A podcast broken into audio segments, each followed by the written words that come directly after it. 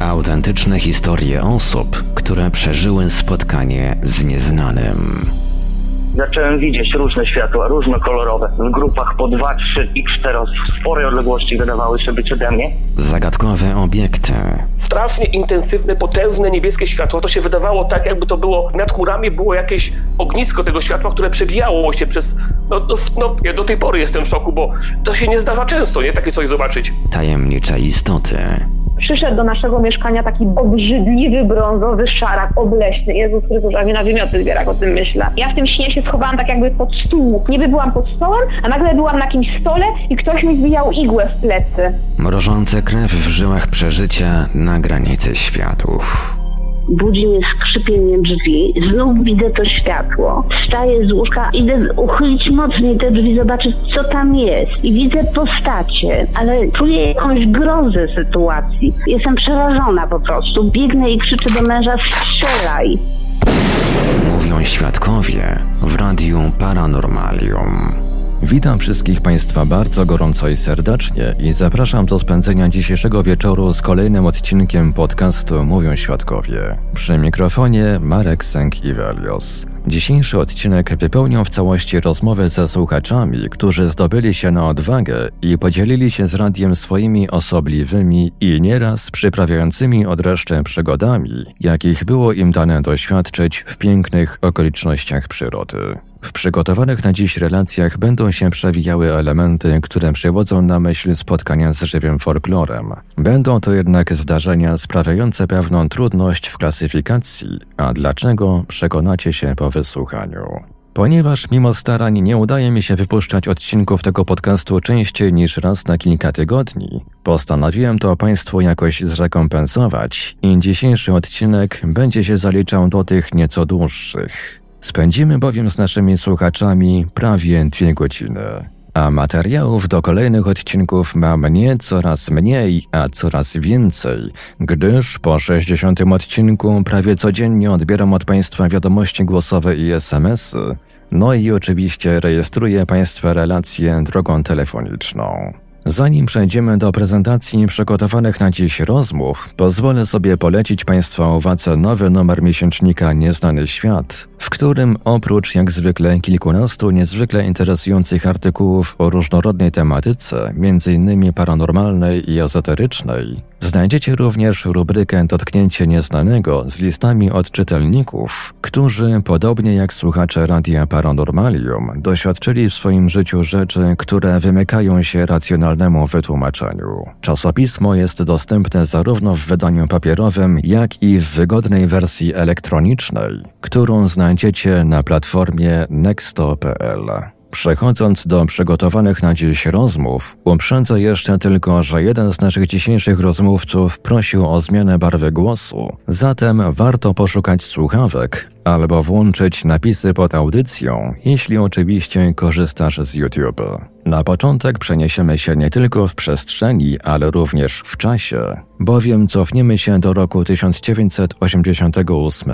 Wtedy to jeden z naszych słuchaczy podczas wycieczki do jaskiń w okolicach Tomaszowa Mazowieckiego, wewnątrz jednej z grot zaobserwował grupę bardzo dziwnie zachowujących się świateł niewiadomego pochodzenia.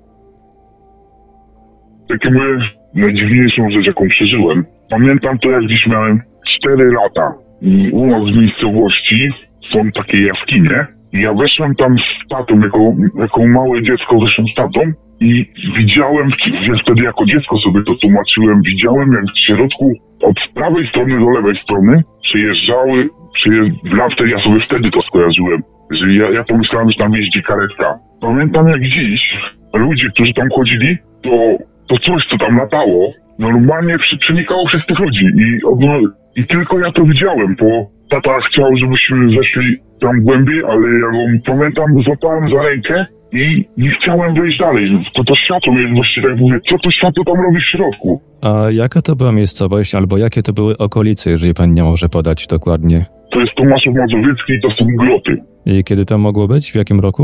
Wie pan co, ja miałem 4-5 lat, to kurde, było, ja się w 84 urodziłem. To wie pan, to, to takie też takie moje pierwsze takie, co pamiętam z takich paranormalnych yy, rzeczy, których przeżyłem. No to gdzieś tak około 88-89 roku, prawda? Tak, tak, tak, tak. To był właśnie z takich, takich moich takich pierwszych przeżyć. Nie było tam żadnej możliwości, żeby tam cokolwiek wjechało, żeby ktokolwiek świecił latarką, żebym widział czyjeś światło. To bardzo szybko przelatywało, to tak jakby się w kółko kręciło. Od prawej strony do lewej strony. Jakby tam nawet tam wszedł na Google, to podejrzewam, że tam są zdjęcia tych grotów, tylko one są teraz po remoncie te groty i to teraz tam już się płaci za chodzenie. Kiedyś to było darmowe, tam kiedyś każdy we, wejść kto chciał. Te światła w grotach sprawiały wrażenie jakichś fizycznych obiektów? Wie pan co? Ja powiem panu tak, ja to sobie kojarzyłem, to na tamten czas, że to jeździ karetka tam, ale nie ma możliwości, żeby to była karetka. To było biało-niebieskie światło, które przy, się tak, jakby, przelatywało. tak jakby się obracało jak to światło sygnałowe, tak? Nie, nie. Jak widzi pan szybko przejeżdżające auto, no to widzi pan tylko takie za, zarysy tego auta, tak? Jakąś kulę, co się porusza, szybkiego auta. To było właśnie identyczny widok w tych grotach. To było identycznie, to widziałem, jak, te, jak to właśnie dla mnie, na, na tamten, ten jakbym miał to opowiedzieć, na tamten czas, co, jak ja to sobie z czym ja to kojarzę, to dla mnie tam jeździła karetka pogotowia. No to było niemożliwe, żeby tam karetka pogotowia jeździła tak szybko jeszcze. Tam w ogóle, żeby Niemo- niemożliwe, żeby tam w ogóle cokolwiek jeździło. no właśnie, właśnie, no ale tak już mówię, no. Jak, jak już tak rozmawiamy, to mówię, kurde, no to światło. I potem już tyle lat tam chodziłem, bo się często z kolegami wybieraliśmy i ten, już nigdy więcej czegoś tam nie doświadczyłem. To było tylko raz, jedyny. A pan wspominał coś, że te obiekty, te światła jakby przenikały przez osoby tam się znajdujące. Czy one powodowały jakieś reakcje u tych ludzi? Nie, no, ci, właśnie ci ludzie, którzy przechodzili przez to, oni w ogóle nie, nie, nie czuli tego, nie widzieli. To ja, ja odnosiłem wrażenie, tak jak teraz z, z tylu lat, teraz patrzę na to, odnosiłem wrażenie, że tylko ja to widziałem, nikt inny. Bo ja pamiętam, jak gdzieś tata mnie za rękę trzymał i chciał, żebyśmy tam weszli głębiej, a ja złapałem go za rękę i mówię, że nie, że ten, nie chciałem tam iść. No być może coś tam pan e, dostrzegł, bo mówi się, że dzieci do pewnego wieku, tam do 7-8 lat są bardziej jakby otwarte na e, dostrzeganie pewnych rzeczy z innych e, wymiarów naszej rzeczywistości.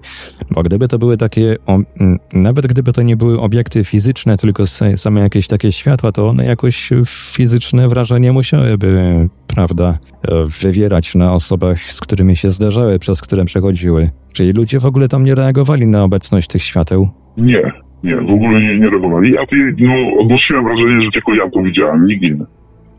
I to tyle, jeśli chodzi o obserwację dziwnie zachowujących się świateł w jednej z jaskiń w rejonie Tomaszowa Mazowieckiego. Dajcie znać w komentarzach, co sądzicie o tym zdarzeniu, a jeśli macie jakieś swoje relacje, którymi chcielibyście się podzielić, zapraszam do kontaktu. Tych z Państwa, którzy przeżyli coś nietypowego i chcieliby nam o tym opowiedzieć, zapraszamy do kontaktu. Nasze numery telefonów to stacjonarny 32 746 0008, 32 746 0008, komórkowy 530 620 493, 530 620 493, skype radio.paranormalium.pl radio.paranormalium.pl Numer gadu gadu 3608 8002 3608 8002 Czekamy także na Państwa e-maile pod adresem radiomałpa-paranormalium.pl radiomałpa-paranormalium.pl Gdyby przy naszych telefonach nikt nie dyżurował, prosimy o nagranie wiadomości głosowej bądź wysłanie SMS-a. Bardzo prosimy o sprecyzowanie, w jakiej sprawie chcą się Państwo z nami skontaktować. Słuchaczy dzwoniących z numerów zastrzeżonych lub z zagranicy prosimy ponadto o podanie numeru, na który mamy oddzwonić. Wszystkim świadkom gwarantujemy pełną anonimowość. W razie wykorzystania zapisu rozmowy w którejś z audycji istnieje możliwość zmiany barwy głosu. A teraz przenosimy się na Podlasie. Już za moment wysłuchamy obszernych fragmentów rozmowy ze słuchaczką, która podzieliła się opisami ciekawych zdarzeń, do jakich doszło w lasach w rejonie miejscowości Kleszczele. Oddajmy jej głos. Tutaj z tym żywym folklorem to mi się skojarzył ten opis tych e, światełek, które A. oplotły trzy stare, duże drzewa. Wie pan, to może zacznijmy od tych światełek, bo to było ogromnie spektakularne, ale nie mam pojęcia, co to było i czy to podchodzi pod y, żywy folklor. W każdym bądź razie y, od początku. To było w 2018, tak? Dobrze patrzę? Tak, bo sobie pozapisywałam ro, e, rok. Bo tak jakby nasilenie tych wszystkich zdarzeń to jest właśnie 18, 19 i 20. To się wiąże z tym, że ja miałam akurat tym okresie taki, bo to była wiosna, koniec lutego. Ja miałam taki ciężki okres, bo u mamy kotka chorowała, a ja ciężko znoszę takie rzeczy. I już w pewnym momencie było wiadomo, że trzeba ją będzie uspać. I to było tego dnia, kiedy my mieliśmy pojechać do weterynarza i po prostu pomóc jej odejść, bo już była tak bardzo chora. Ja obudziłam się o piątej rano, przed piątą rano trochę i taka, wie pan, byłam no zdołowana, bądźmy szczerzy, bardzo. I wyszłam do kuchni i tak po prostu rutynowo, nie otwieram lodówkę, coś tam i, i spojrzałam w okno i po prostu jednym skokiem przy tym oknie się znalazłam. E, Naprzeciwko tego okna pod parkanem rosną trzy takie bardzo stare, ponad 50-letnie drzewa. One są duże. To był koniec lutego, było po deszczu. Latarnia przy bloku się paliła, więc e, mokre gałęzie tak trochę błyszczały i wokół koron tych trzech naprawdę dużych drzew, to jak to się mówi, świetliki, nie? Ale to nie były świetliki. No właśnie, Było coś mi się mnóstwo. skojarzyło mi się ze świetlikami, ale chyba pora roku jeszcze nie ta. Nie, to koniec lutego. Ja w ogóle nie widziałam tu nigdy, mieszkam tu już 25 lat i nigdy nie widziałam świetlików tutaj. Te światełka były, no faktycznie mm, nie były jakieś bardzo duże, tak? By- Były takie y, wielkości jak zwykłe lampki choinkowe, LEDowe, dlatego że one świeciły białym światłem w środku, a otoczkę miały taką szmaragdowo-zieloną. I było ich mnóstwo, ja nie wiem, trudno powiedzieć na pewno więcej niż 100. I oplatały te trzy korony tych drzew i zapalały się i gasły. I to było tak, pamiętam, że stanęłam przy tym oknie i nie mogłam, bo chciałabym, chciałam tak jakby uchwycić jedno, ale nie mogłam, bo one gasły się, zapalały w różnych miejscach, przemieszczały się, skakały po gałęziach. Wiem też, że było trochę, była, mm, jakby to powiedzieć, ta chmura musiała być, bo była trochę w głębi. Było widać, że niektóre skaczą gdzieś tam dalej, a niektóre zapalały się przed drzewami, czyli to musiała być jakaś sfera. A ten ruch, to zachowanie się tych światełek jakoś sprawia wrażenie jakiegoś uporządkowanego, czy Nie. tym bardziej takie, cha takie chaotyczne ruchy to były? bardziej chaotyczne i muszę, to znaczy, nie wiem ile czasu to trwało. Nie spojrzałam później na zegarek. Nie mogło być to jakoś bardzo długo. Y, 10 minut. N- Nie jestem w stanie powiedzieć w ogóle jak długo. W każdym razie to było może trochę nawet hipnotyczne. Takie dziwne wrażenie. Przede wszystkim ogrom tego, bo, bo to były trzy naprawdę duże korony drzew, więc to było takie, ta, ta chmura tych światełek była bardzo duża. I ja nie spojrzałam w górę na drzewa, bo dopiero później sobie uświadomiłam, że mogłam spojrzeć na, w górę, ale nie spojrzałam w górę. Nie wiem ile czasu stałam przy tym oknie, ale one tak jakby ich było coraz mniej, coraz mniej, coraz mniej i w końcu paliło się tylko jedno. I ono zamrugało tak dwa, trzy razy. Zapaliło się, zgasło, zapaliło się, zgasło i koniec. Ciemno. Czyli rozumiem, że nie było widać jakby tutaj przejawów pewnej inteligencji w tych światełkach, tylko one tak chaotycznie w, robiły jakby co chciały, tak? Tak, tak, tak. Nie, nie było żadnego schematu, bo próbowałam uchwycić, tak, ale to w ogóle nie, nie dało się, tak jakby nie. Ale pamiętam dokładnie, że właśnie środek był taki biały, y, bardzo biały i miały wszystkie taką szmaragdową otoczkę. Ja kiedyś widziałam świetliki, chociaż to na pewno nie były świetliki i one nie tak świecą, y, nie w ten, nie w ten sposób. To wyglądało raczej na coś sztucznego. Nie. No w przypadku świetlika chyba byłoby widać, e, że tam jednak jakiś owad tym światełkiem, tym światełkiem tak, operuje, tak? Tak, a to, to raczej wyglądało z tym, że ponieważ mój nastrój był fatalny, jak kładąc się spać, poprzedniego, znaczy wieczorem, po, poprzedniego dnia, tak sobie jeszcze myślałam o tym wszystkim. Tak, to, to zawsze taka trudna decyzja, mimo tego, że zwierzę jest bardzo chore i można mu przynieść ulgę, ale było mi ciężko. I w pewnym momencie, ja nie wiem dlaczego ja to zrobiłam, ja wyciągnęłam rękę w kierunku okna. Tak jakby to się zadziało poza moją świadomością. I ja tak wyciągnęłam tą rękę i tak trzymam tę rękę w kierunku okna, tak jakby, nie wiem, jakbym coś chciała wziąć, a w głowie, Boże, co ja robię, tak? Sama do siebie mówię, ale co ty robisz z tą ręką? A ta ręka tak po prostu, jakby moje ciało... Ech, no, Tak samo jakby to coś zrobiło. przejęło kontrolę nad tą ręką w, ten, Je- w tym tak. sensie? Tak, w tym sensie, przez chwilę, tak? Bo, bo to nie, nie to, że ja jej nie czułam, no po prostu ona taka przez minutę i tak sobie patrzy na tą rękę wyciągniętą w kierunku okna. Myślę, co ty robisz? No przestań. I to chwilę trwało, zanim ja tą rękę z powrotem wzięłam. I potem zastanawiając się nad tym wszystkim, myślę sobie, a może ja coś zaprosiłam? Może poprosiłam o pomoc, bo mi było ciężko. To taka moja prywatna myśl, bo tak naprawdę nie wiem, co to było, tak? Niemniej jednak to było i, i teraz tak, mąż miał do mnie pretensje, ale ja po prostu zastygłam przy tym oknie. Czas mi się trochę urwał i ja go nie zawołałam. On był obok w pokoju, ja go nie zawołałam. Nie przyszło mi do głowy w ogóle coś takiego. Ja po prostu stałam tam, próbowałam ogarnąć temat i nie przyszło mi do głowy, co właściwie powinno przyjść pierwsze, żeby zawołać, tak? Przyjdź, zobacz, co się dzieje. Nie zrobiłam tego. Bo mąż nic nie zauważył. Mąż spał, bo to była piąta rano. Miałam świadka, a tak nie mam.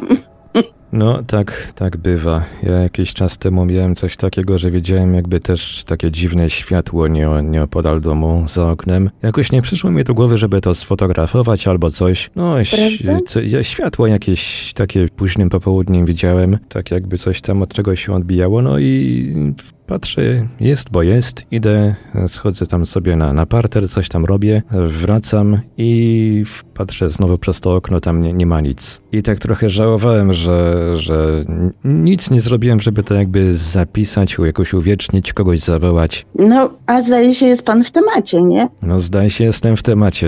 Dziwnie, dziwnie to brzmi, prawda? I tu też powinnam była przecież wołać. Ale nie zrobiłam tego. No to dobrze, to to są te światełka. One były bardzo spektakularne i nie mam zielonego pojęcia, co to było. Niemniej jednak było to naprawdę duże. Jest jeszcze mojej mamy historia z 2019. Patrzę. Tak, 19. I to było zimą. Nie wiem jaki to miesiąc był, ale to pewnie już gdzieś był koniec listopada. To jeszcze jesień była. W 2019. Moja mama mieszka w takiej małej miejscowości też na Podlasiu. To są Kleszczele. Malutka naprawdę miejscowość. I mama ma trzy koty, które y, tak jakby od strony ogródka mają taką drabinkę i sobie tam na parapet wchodzą i jak chcą do domu, to depczą po tym parapecie i mama je wpuszcza przez okno. Mama mówi, że obudziła się o trzeciej w nocy, było ciemno, latarnie tam się nie palą, bo gaszą je bardzo wcześnie, gdzieś tam około dziesiątej i mówi, że usłyszała jakby coś biegało po ogródku. Mówi takie tupoty, jakieś tam zamieszanie, koty krzyczały tak jakby się biły ze sobą. Mama mówi, że wstała, odsłoniła roletę. No, w ogródku było ciemno i nagle pod świerkiem przy ziemi zobaczyła kulę. Mówi, kula była wielkości takiego m, grejpfruta, może trochę większa i ta kula świeciła żółto-pomarańczowo-czerwonym światłem. Mówi takie pastelowe kolory, łagodnie się zmieniające. I ona spojrzała, no przestraszyła się bardzo i nagle ta kula, wystrzeliły z niej, mów, powiedziała, że to wyglądało jak takie igiełki światła, jak promienie światła z dwóch stron, w obie strony i wszystko znikło. Mama mówi, że w tym momencie tak jakby zrobiło się tak cicho, że ona się wystraszyła tej, tej, tej cichości nawet. Wskoczyła do łóżka z powrotem, zasłoniła roletę, wskoczyła do łóżka i już do rana nie spała, bo to było około trzeciej w nocy. I mówi, że w ogóle ani koty, ani nic, było cały czas bardzo, bardzo cicho. Ona potem koty dokładnie obejrzała, jak one przyszły, bo przyszły gdzieś tak yy, już jak było jasno. Nic kotom nie było. Pod świerkiem też nic nie było, ale kula mamie, no, moja mama jest bardzo racjonalną osobą i nie wierzy w takie rzeczy, w ogóle nawet o tym nie chce rozmawiać. No ale to ją bardzo poruszyło, bo to coś, czego się nie widuje normalnie. Rozumiem, że nie udało się potem jak, jakby mamie dociec, co to tak naprawdę mogło być tam, e, Nie, gdyby to... moja Gdyby mama- to mhm. Moja mama to mówi tak, lepiej nie wiedzieć. Bo gdyby to był fizyczny obiekt mogący fizycznie oddziaływać na otoczenie, to jakiś ślad by chyba został, chociażby przy, pod postacią jakiegoś przypalenia, nie wiem, roślinności czy czegoś. Znaczy, roślinności akurat nie było, bo to yy, listopad, nie, więc tak jak... No, jakiś ślad by był No, pewnie. być może. W każdym razie mama mówi, no bo pod świerkiem to są tylko ziemia i, i igły, tak trochę mchu. Nie, śladów nie było, koty nie były uszkodzone, nic się tam nie działo. Niemniej jednak mówi, zamieszanie ją budziło, jakieś hałasy, jakieś właśnie koty krzyczały, tak jak koty czasem ze sobą się kłócą, nie, więc te wrzaski takie dosyć są przejmujące. Więc coś tam się działo w tym ogródku. Mówi, ale ta kula była, ba- no, no, świeciła światłem, tak? Więc tak jakby była bardzo konkretna. Czy to był obiekt materialny, czy to był obiekt jakiś, jeśli nawet to była jakaś forma energii, no to też jest materialna. Mama słyszała tylko te zwierzęta i, i jakieś, mówi, jakby coś biegało tam po ogródku. Czyli nie wiem, jak, czy pan ma zwierzęta, ale koty potrafią tak tupać. No, ja mam dwie kotki, z czego jedną taką dosyć ciężką, ale jak chodzi po domu, to ją wszyscy słyszą. Tak, bo one potrafią bardzo cicho być, jak chcą, ale Jak czasem chcą. po prostu tupią.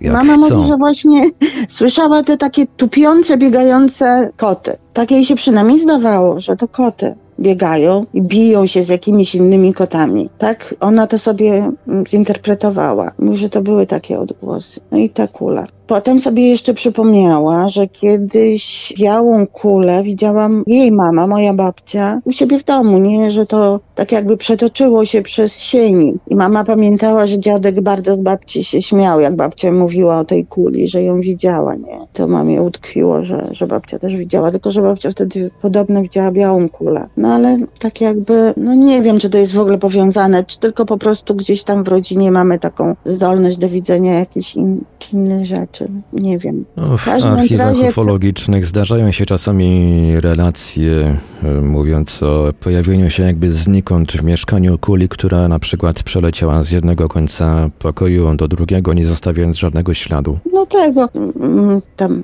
różnie się mówi, że to piorun kulisty, ale podejrzewam, że to mogą być różne rzeczy, nie? No, nikt tego jeszcze chyba nie ogarnął. No w każdym bądź razie światło było właśnie, przechodziło łagodnie żółte, pomarańczowy, czerwony i wystrzeliły właśnie te takie, mama mówi, no, jak, no zapytałam, mówię, podobne do laserów? No tak, podobne do laserów. I w obie strony, tak, w dwie strony w tą ciemność wyskoczyły i koniec, wszystko zgasło. Ja jeszcze widziałam, i to też było takie trochę dziwne, bo aż odskoczyłam.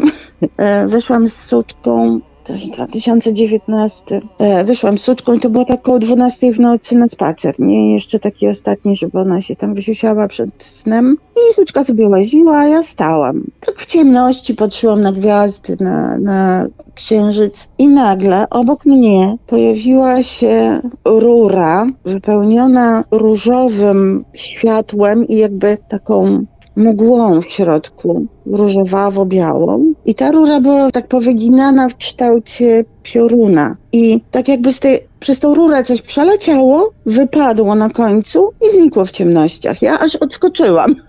To trwało chwilę, ale po prostu aż tak wystraszyłam się, bo to poja- pojawiło się obok mnie nagle, więc ja tak pyk na bok, nie? Matką to było dosyć zaskakujące, ale rura, tak pamiętam, tak hiperrealnie, nie? Że była przeźroczysta, świeciła różowym światłem, tam mgła w środku była i coś się z niej wytoczyło i poleciało w ciemność. No, To było krótkie, ale jednocześnie na tyle długie, że pani zdążyła to jakby Tak. e, dosyć szczegółowo zauważyć, prawda? Tak, wyłapałam właśnie, że nawet ta mgła taka jakaś była w środku, która się tak y, trochę... y, I, I coś takiego jakby ciemna kulka przeleciała przez tą rurę. A ile to mniej więcej mogło trwać w sekundach? Matko, nie wiem.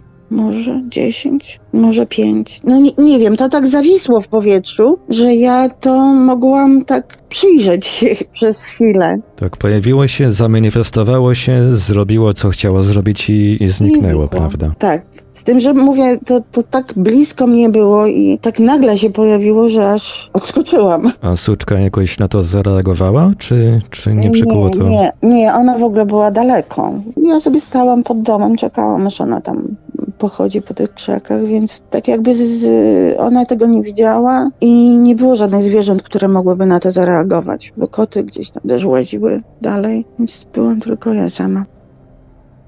I, I też w tym samym roku, tylko może dwa miesiące później, ja sobie chodzę tak, mieliśmy takie miejsce ogniskowe fajne, ja tam sobie chodziłam, żeby trochę, nie tyle może pomedytować, bo ja tak średnio umiem, ale pocieszyć, posiedzieć sobie tak i poddychać. I tak sobie siedziałam spokojnie, było ciemno i nagle przede mną zapaliła się taka, tak powolutku jakby wyłaniała się z tej ciemności taka pomarańczowa, świecąca właśnie też pomarańczowym światłem kula. Też wielkości grejpfruta, może większa i tak zapaliła się tak i świeciła, tak nisko przy ziemi. I ja poczułam wokół mnie wtedy, jakby to powiedzieć, iskrzenie, aż się tak skuliłam, bo miałam wrażenie, że to iskrzenie tak mnie otacza i że ja siedzę w takim bąblu jakimś, a ono jest tak na, na brzegach tego bąbla i czułam takie wibracje. Miałam wrażenie bycia oglądaną. Czyli pani czuła fizycznie obecność tej kuli, tak? Tak, ona świeciła naprzeciwko mnie tak dwa metry przede mną, a ja czułam to iskrzenie wokół, wokół mnie, wokół mego, mego ciała. Tak jakbym, mówię, siedziała w bąblu jakimś i na brzegach tego bąbla, aż mówię, aż się skuliłam, bo to nie był duży bąbel. E, na, na brzegach tego bąbla było takie drżenie, wibracja, iskrzenie, jakieś takie dziwne. I, no i to, muszę powiedzieć, to pewnie było 10 sekund, jak nie więcej, bo ja taka skulona siedziałam i mówię sobie, nie bój się, oddychaj, nie bój się, oddychaj. To, to trochę trwało i ta kula świeciła równomiernie na pomarańczowo. A potem tak też powolutku robiła się coraz mniejsza, coraz ciemniejsza i znikła w ciemności. Tak, tr troszkę to tak wygląda, jakby jakaś energia potrzebowała się wyładować. E, możliwe, możliwe. No tak, bo to iskrzenie, wibrowanie takie, dźwięku nie było, było bardzo cicho, zresztą w ogóle były cały czas cicho i tylko czułam te wibracje, tak to tak jakby iskrzenie. To wszystko w zasadzie dzieje się w jednym miejscu. To się dzieje wszystko wokół naszego domu. Ja mieszkam, ja tam napisałam panu, mieszkam w Drogiczynie. To jest takie małe miasteczko nad Bugiem. Mamy górę zamkową, na której podobno był czakram i może na, nawet jest, bo tej góry to już tylko kawałek został. Nawet w Polsce Magicznej jest taki przewodnik w Polsce Magicznej, ta góra jest opisana. E, także to miasteczko nie jest takie całkiem zwykłe. Tam nawet mierzono chyba tą energię i ktoś tam, nie wiem w jakich to jednostkach się mierzy, ale tam, nie wiem czy pan ten przewodnik Polska Magiczna kiedyś miał w rękach. No niestety nie, nie znam tej pozycji. Nie pamiętam, kto to napisał. W każdym bądź razie tam mierzono i tam podobno jest właśnie jakieś oddziaływanie tej energii. Drogiczyn jest taki dosyć specyficzny. Ale to, co panu opisuje, to oprócz tego, co się temu mamy działo, to te trzy rzeczy zdarzyły się wokół mojego domu, tutaj w takim sadzie. Starym, bardzo starym sadzie. I to tyle, jeśli chodzi o relacje przekazane przez naszą słuchaczkę. Teraz przenosimy się w Bieszczady. Zdarzenie, którego obszernego opisu za chwilę wysłuchamy, rozegrało się w sierpniu roku 2006. Wówczas to dwóch mężczyzn spędzających wakacje w Bieszczadach stało się świadkami czegoś, co zapadło im w pamięć na zawsze. Pewnej nocy ktoś lub coś postanowiło im zakłócić wypoczynek pod namiotem. Walka z jakąś niewidzialną siłą, nieustaleni intruzi obstukujący namiot patykami, dziwne poczucie odizolowania od otoczenia oraz cisza przewodząca na myśl czynnik OZ to tylko niektóre z bardzo zastanawiających elementów tej historii. Posłuchajmy.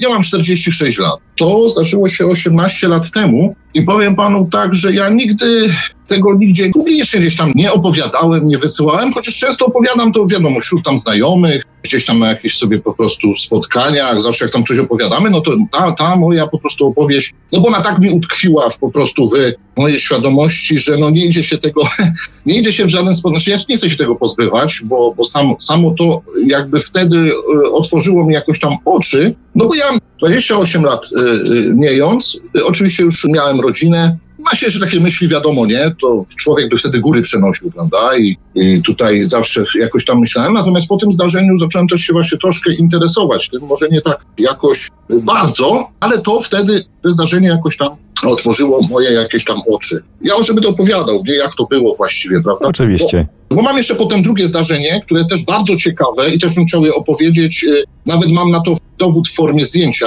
To jest akurat zdarzenie, te drugie. Te pierwsze to jest, ja to tak zaznaczyłem, że cmentarz ukraiński, ale to jest tylko taka y, część tego zdarzenia. Natomiast drugie zdarzenie dotyczy, mm, to jest takie trochę może, może śmieszne, ale raczej nie jest śmieszne dla mnie, kufli piwa. Ale to może później, dobra, po tym drugim zdarzeniu, bo to mi naprawdę też sen spowiek jakby nie, nie potrafię tego właśnie w sobie wytłumaczyć. Może zacznę od tego pierwszego zdarzenia, które było 18 lat temu. Ja mieszkałem na Śląsku, bo obecnie teraz mieszkam sobie w jednej z miejscowości. Ja będę po prostu podawał, nie chciałbym podawać tej miejscowości, tego cmentarza, bo nie, chciał, to nie chodzi może o to, bo tam większość ludzi być może nawet i takie sytuacje miała. Mogę panu potem gdzieś tam podać ewentualnie, nie, jak gdzieś tam. tylko nie chciałbym, żeby- Może pan powiedzieć, jaki to jest rejon bez podawania? Rejon, rejon niedaleko, powiem tak, y, y, rejon niedaleko Sanoka, ale bardziej w tą południową stronę, czyli tam w stronę już Uszczyk, Zagórza, tak, jak się tam jedzie. Y, Jedna z miejscowości nad Stanem to jest miejscowość, która leży właściwie tam, gdzie byliśmy, to jeszcze dopływ do Sanu, czyli to ma bardzo dużo po prostu i San niedaleko, i dopływ do Sanu. Co ja tam robiłem? Stamtąd pochodzi moja żona. Y, Urodziła się w Sanoku i tam y, mieszkali jej dziadkowie. Ja oczywiście jeździłem tam zawsze na wakacje, nawet jak y, poznałem moją przyszłą żonę, to jeździłem wcześniej na wakacje, ale wtedy właśnie w tym roku, to był rok 2006.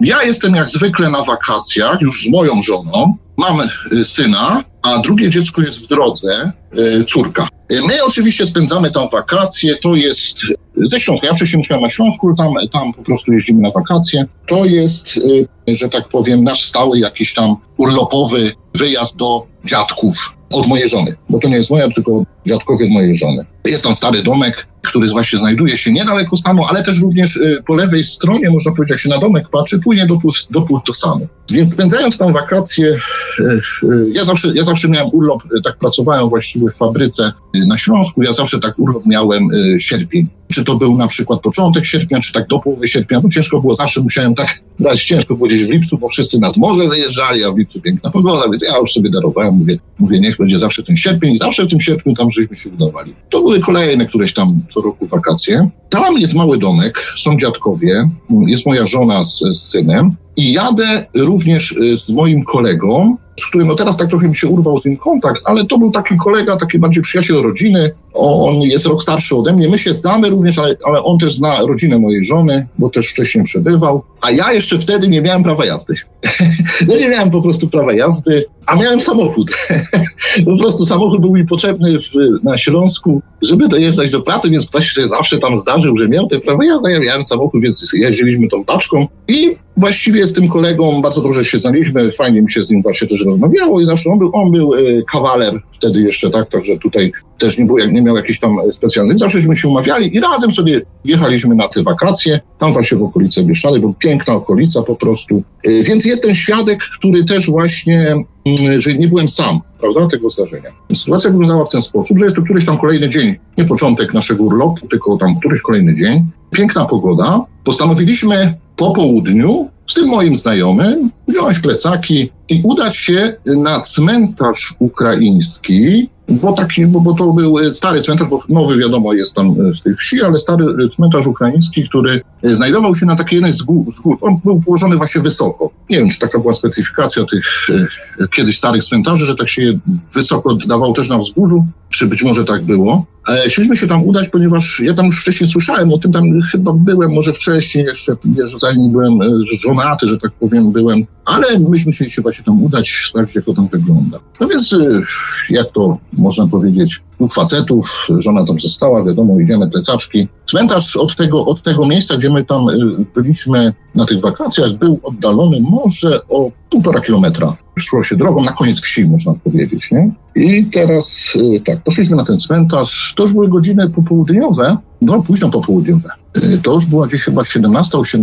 No, Zanim tam doszliśmy, wiadomo, jak to, jakieś tam piwko do plecaka trzeba włożyć, prawda, żeby się człowiek nie odwodnił. Było ciepło, to był sierpień, ale było dość ciepławo właśnie w dzień, więc też, też pamiętam, że to było ciepło, bo ta późniejsza noc była bardzo ciepła. I Poszliśmy na ten cmentarz. Dochodzimy na ten cmentarz. Y, oczywiście cmentarz był naprawdę w bardzo kiepskim stanie. Naprawdę. Nie był zadbany, nie był ogrodzony, zarośnięty. Oczywiście nagrobki było widać, bardzo dużo nagrobków ukraińskich. To były lata, no tak przypatrywaliśmy się, 1840, 1870. Y, poprzewracane te, te, te nagrobki, jakiś tam krzyż, ten duży wbity, lekko przechylony. Naprawdę zaniedbany cmentarz, nie był w ogóle zaniedbywany przez te lata, był, no i nic się tam nic nie robiło. No to co, no, pozwiedzaliśmy, może to nie było takie, no ale po prostu byliśmy tam, pozwiedzaliśmy, poszliśmy, zachowaliśmy spokój. Wiadomo, nie, nie, ja, ja raczej jestem takim człowiekiem, że staram się zawsze być, y, że tak powiem, fair według wszystkiego, co, wszystkich sił, y, nie wiem jakich, nadprzyrodzonych, nie nadprzyrodzonych, staram się zawsze być, e, mieć jakąś, jakiś dystans, tak? Nie, nie, nie, nie wygłupiam się, nie zachowuję jakiś tam spokój, więc spokojnie obeszliśmy sobie ten cmentarz, pomodliliśmy się, każdy tam, jak to się mówi, w swoim jakimś tam stylu, czy tam religii. No i opuściliśmy, tam nie było furtki, bo tam często mówiono, że jak się furtki nie było, było wszystko po prostu rozkrekotane. No, opuściliśmy ten cmentarz. Opuszczając ten cmentarz już było tak, no już się trochę szarówka robiła. Mogło to być już, no w sierpniu to już było dziś ósma, czy dwudziesta, nie? Już po dwudziestej. No i najzwyczajniej przeszliśmy do tego miejsca, gdzie tam e, sobie przebywaliśmy na tych wakacjach. Z uwagi na to, że mm, był mały domek i byli tam jeszcze dziadkowie mojej żony, więc moja żona spała naturalnie jeszcze w tym domku, bo to tam dwa pokoiczki e, z dziadkami, z moim synem małym.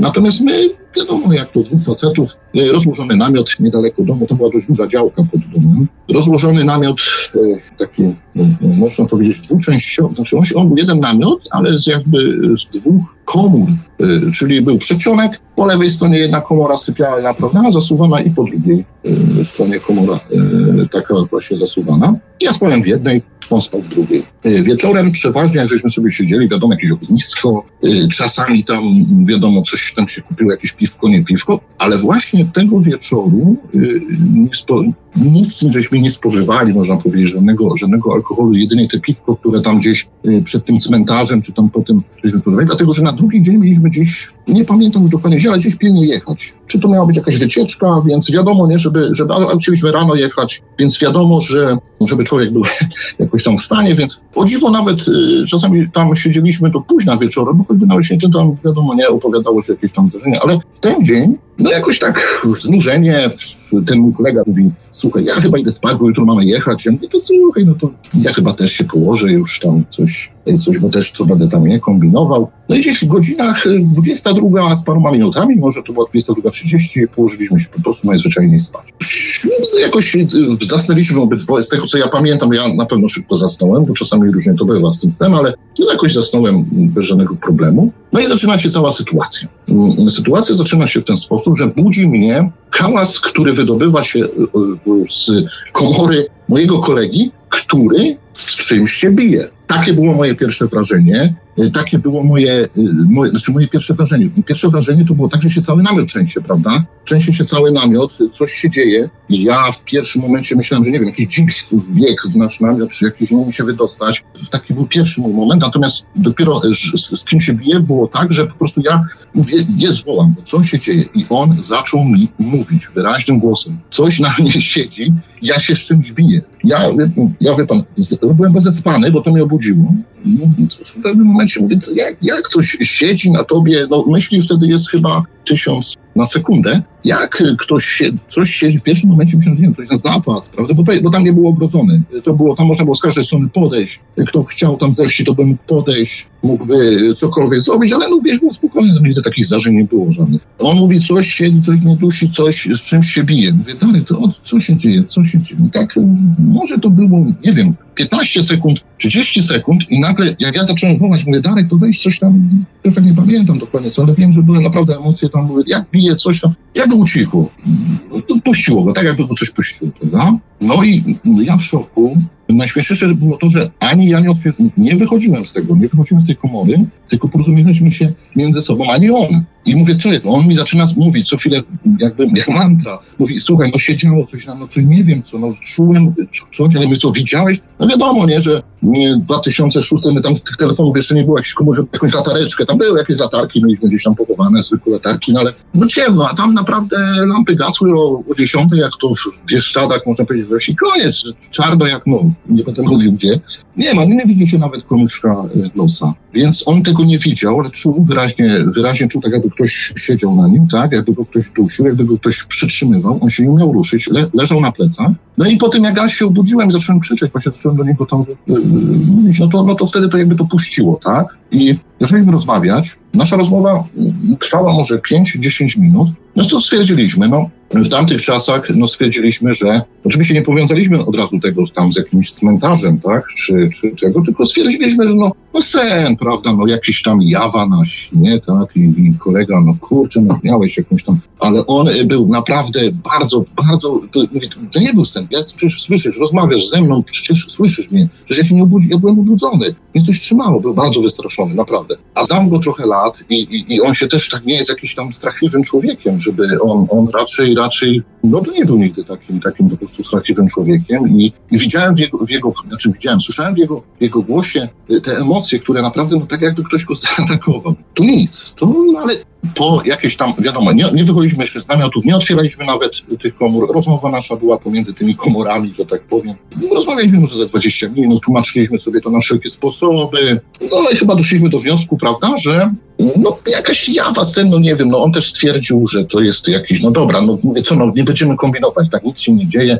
Mówię, jak się czujesz? No w porządku, nie? Czuł, czuł oczywiście, tłumaczył mi, że czuje dalej ucisk, że czuje coś, y, że tak jakby go naprawdę coś trzymało i tak dalej. No ale no nic się nie działo, prawda? Minęło może z pół godziny i co, no idziemy spać, prawda? I to, przecież nie będziemy y, rozmawiać, że jutro sobie porozmawiamy. Nie wiem, która nawet była godzina wtedy. Później już wiem, która była godzina, bo y, następne zdarzenia są kolejne i to jest właśnie dziwne, bo samo to, gdyby było tylko to, że coś na nim się działo, coś z czymś walczył, no to moglibyśmy to uznać za jakiś tam, nie wiem, sen, jakiś tam jawa, no, sen na jawie. Natomiast mówimy do siebie, słuchaj, to co, idziemy powoli spać. Oczywiście mówienie, no nie wiem, jak teraz zaśniemy, no ale no coś trzeba próbować, zobaczymy jutro. No nic, obracamy się, jak to mówimy, czyli przynajmniej ja się obróciłem. Kolejne zdarzenia, no, oczywiście słyszę już ja i słyszę już mój kolega. Obracam się, powiedzmy tam na lewy bok, chcę zasnąć i nami był ustawiony E, jakby to można powiedzieć, po prawej stronie rzeczki dopływu do Sanu, a po lewej stronie była ulica. No, ulica, która w nocy nie była często uczęszczana. Ktoś tam na, na ruski, jak to się mówi, rok przejechał. Natomiast y, nie było możliwości przejechania y, z tej ulicy przez tą rzeczkę, bo ta rzeczka miała parę metrów, ten dopływ, żeby ktoś przejechał czymkolwiek, nawet ciągnikiem było ciężko przejechać. Słyszę, ten, tylko ten dźwięk na początku był tak słyszany, słyszę jakby od tamtej strony ulicy zbliżał się na początku taki szum, prawda? Szum opon, tak jak czasami, jak ja to na razie tak kojarzyłem y, z początku szum opon, więc na razie mi to nie zdziwiło, ponieważ pewnie jakieś auto jedzie. Natomiast ten szum opon y, zaczyna zbliżać się no, od tej strony ulicy, prawda, ale zaczyna zbliżać się od mojej strony, gdzie ja leżałem, coraz bliżej mnie. Ja słyszę, po prostu wyraźnie słyszę i on się przeistoczył w taki, ja to do dzisiaj pamiętam, szum, jakby ulatniał się gaz pod bardzo dużym ciśnieniem, prawda? Jak weźmiemy sobie butlę z gazem na przykład i tak szybko i to jest taki styk. I ten styk zbliża się od mojej lewej strony, gdzie ja leżę, w moją stronę, prawda? W moją stronę słyszę wyraźnie, słyszę, nawet bardzo łatwo umiałem zlokalizować, ja to pamiętam do dziś, umiałem zlokalizować, bo nie widziałem, tak, ale słyszałem, ale mniej więcej wiedziałem, jak on się przemieszcza metrami, że tak powiem. I myślę, że może ja słyszę, ale pytam się moich kolegów takim głosem, czy ty to słyszysz? A on mówi tak, tak, słyszę. Ja mówię, co to jest? I zbliża się to po prostu mm, mm, jakby z lewej strony. Ja się nie ruszam, mówi, że słyszy, obtoczyło mnie wokoło, tak, I jakby za, nasz, za moją głową, gdzie ja leżałem, tak za namiotem, za moją głową, zatrzymało się, znikło, znaczy znikło, przestało po prostu syczeć. I w ciągu dwóch sekund trzask łamanej gałęzi, ale to takiej, i to w tym miejscu, jakby za naszą głową, taką, takiej łamanej gałęzi, jakby to była naprawdę solidna, mocna gałąź, trzask, ogromny trzask. Trzasło, ucichło. I ja mówię, czy ty to słyszałeś? On mówi, tak, słyszałem. Jeszcze się go spytałem, co to było? On mówi, no jakiś szum, gdzieś się mówi, jakiś gałąź albo drzewo złamało, o co tu chodzi, nie? Ja mówię, jak się mogło drzewo, z, z, tam były drzewa, prawda, ale nie były nad nami, za nami nie było drzew, tam była już polana taka i rzeczka płynęła po lewej stronie. To w ten sposób się stało, no i, przez chwilę uciekło. Ale co było następne? Następne było coś takiego, że nagle, tak jakby ktoś wziął kij i zaczął trzaskać e, po tym namiocie w, w różnych miejscach, ale przeważnie za nami. Właśnie tam, nie, nie że z przodu namiotu, gdzie było wejście, tylko właśnie za nami,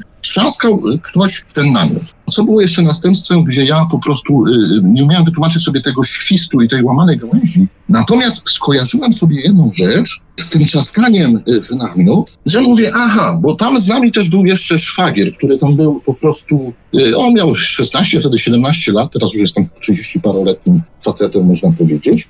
I on w tym dniu, bo to chyba, chyba to była, musiała być to sobota, jeżeli on, on poszedł sobie po prostu na dyskotekę, gdzieś tam do kolejnej wsi. No więc ja już do tego mojego kolegi nie wytrzymałem, że tak powiem. Mówię, wychodzimy. Mówię, wychodzimy, bo pewnie mój szwagier wrócił, gdzieś się w krzakach czai i pewnie to on gdzieś tam nam po tym kurcze namiocie nawala. Więc razem z wyszliśmy na zewnątrz. Ja zacząłem po prostu w tych emocjach już mówić, wychodź, mówię, bo jak nie wyjdziesz, mówię, to no to nie wiem, co ci zrobię, ale mówię, jak cię dorwę gdzieś tu w krakach siedzisz, to mówię, zobaczysz, co ci zrobię, nie? Po prostu wołałem, ale nie, nie było mojego szwagra. Bo później się to też wyjaśniło, że szwagra wcale tam nie było, on był na, na zabawie wtedy, on dopiero nad ranem wrócił, więc no, no nie było go, przeszukałem tam jakieś okoliczne krzaki, no nie ma nikogo. Też potem myślałem, że może ktoś, prawda, bo tu też jest taka, taka kwestia, że może ktoś się wygłupia, ktoś nam jakieś głupie żarty, no ale naprawdę nie było nikogo. No już w pełnych emocjach, ten mój kolega też na zewnątrz, mój kolega palił papierosy. Ja nie palę, nie, nie, nie mam tego nałogu, nie palę papierosów, do dzisiaj nie palę papierosów, no ale no niestety byłem w takim wtedy, że tak powiem, szoku, że mówię, daj mi tego papierosa, mówię, ja sobie zapalę. Oczywiście to palenie było takie w ciągu kilkunastu sekund tego papierosa wypaliłem. No ale muszę, naprawdę, byłem już tak zewnątrz, cały się cząsłem. Ja jestem raczej takim człowiekiem, może nie, nie, nie bojącym się, bo zawsze gdzieś jest taka sytuacja, ja muszę się tam udać, ja się nie chowam, ja po prostu gdzieś coś słyszę, muszę wziąć jeszcze nie raz, tam żona mówiła, coś tam łazi, jakiś gdzieś tam żeśmy byli, jakieś wiadomo zwierzę, ja mówię, czekaj, wezmę latarkę i zobaczę, co tam jest. Zawsze, zawsze taki jestem, taką, taką mam naturę, że muszę coś sprawdzić, zobaczyć. I tak to wyglądało w, w ten sposób. No i dobra, stoimy na tym, ja palę tego papierosa szybko też, on palił, on palaczem. Ja mówię, słuchaj, Tarek, wtedy żeśmy tak troszkę zaczęło nam to opadać, nie? Tak patrzymy sobie, bardzo ładna, pamiętam, że była chyba, księżyc nie było pełni, ale księżyc sobie tam gdzieś poświecał. Dość jasno było, nie było tak już później tam, nie, ciemnotku, tak to dość, dość przyjemnie. No ale to już była godzina, gdzieś w okolicach trzeciej godzina, yy, dlatego, że spojrzał chyba na zegarek, wtedy już tak nie pamiętam, ale wiem, że to było na pewno,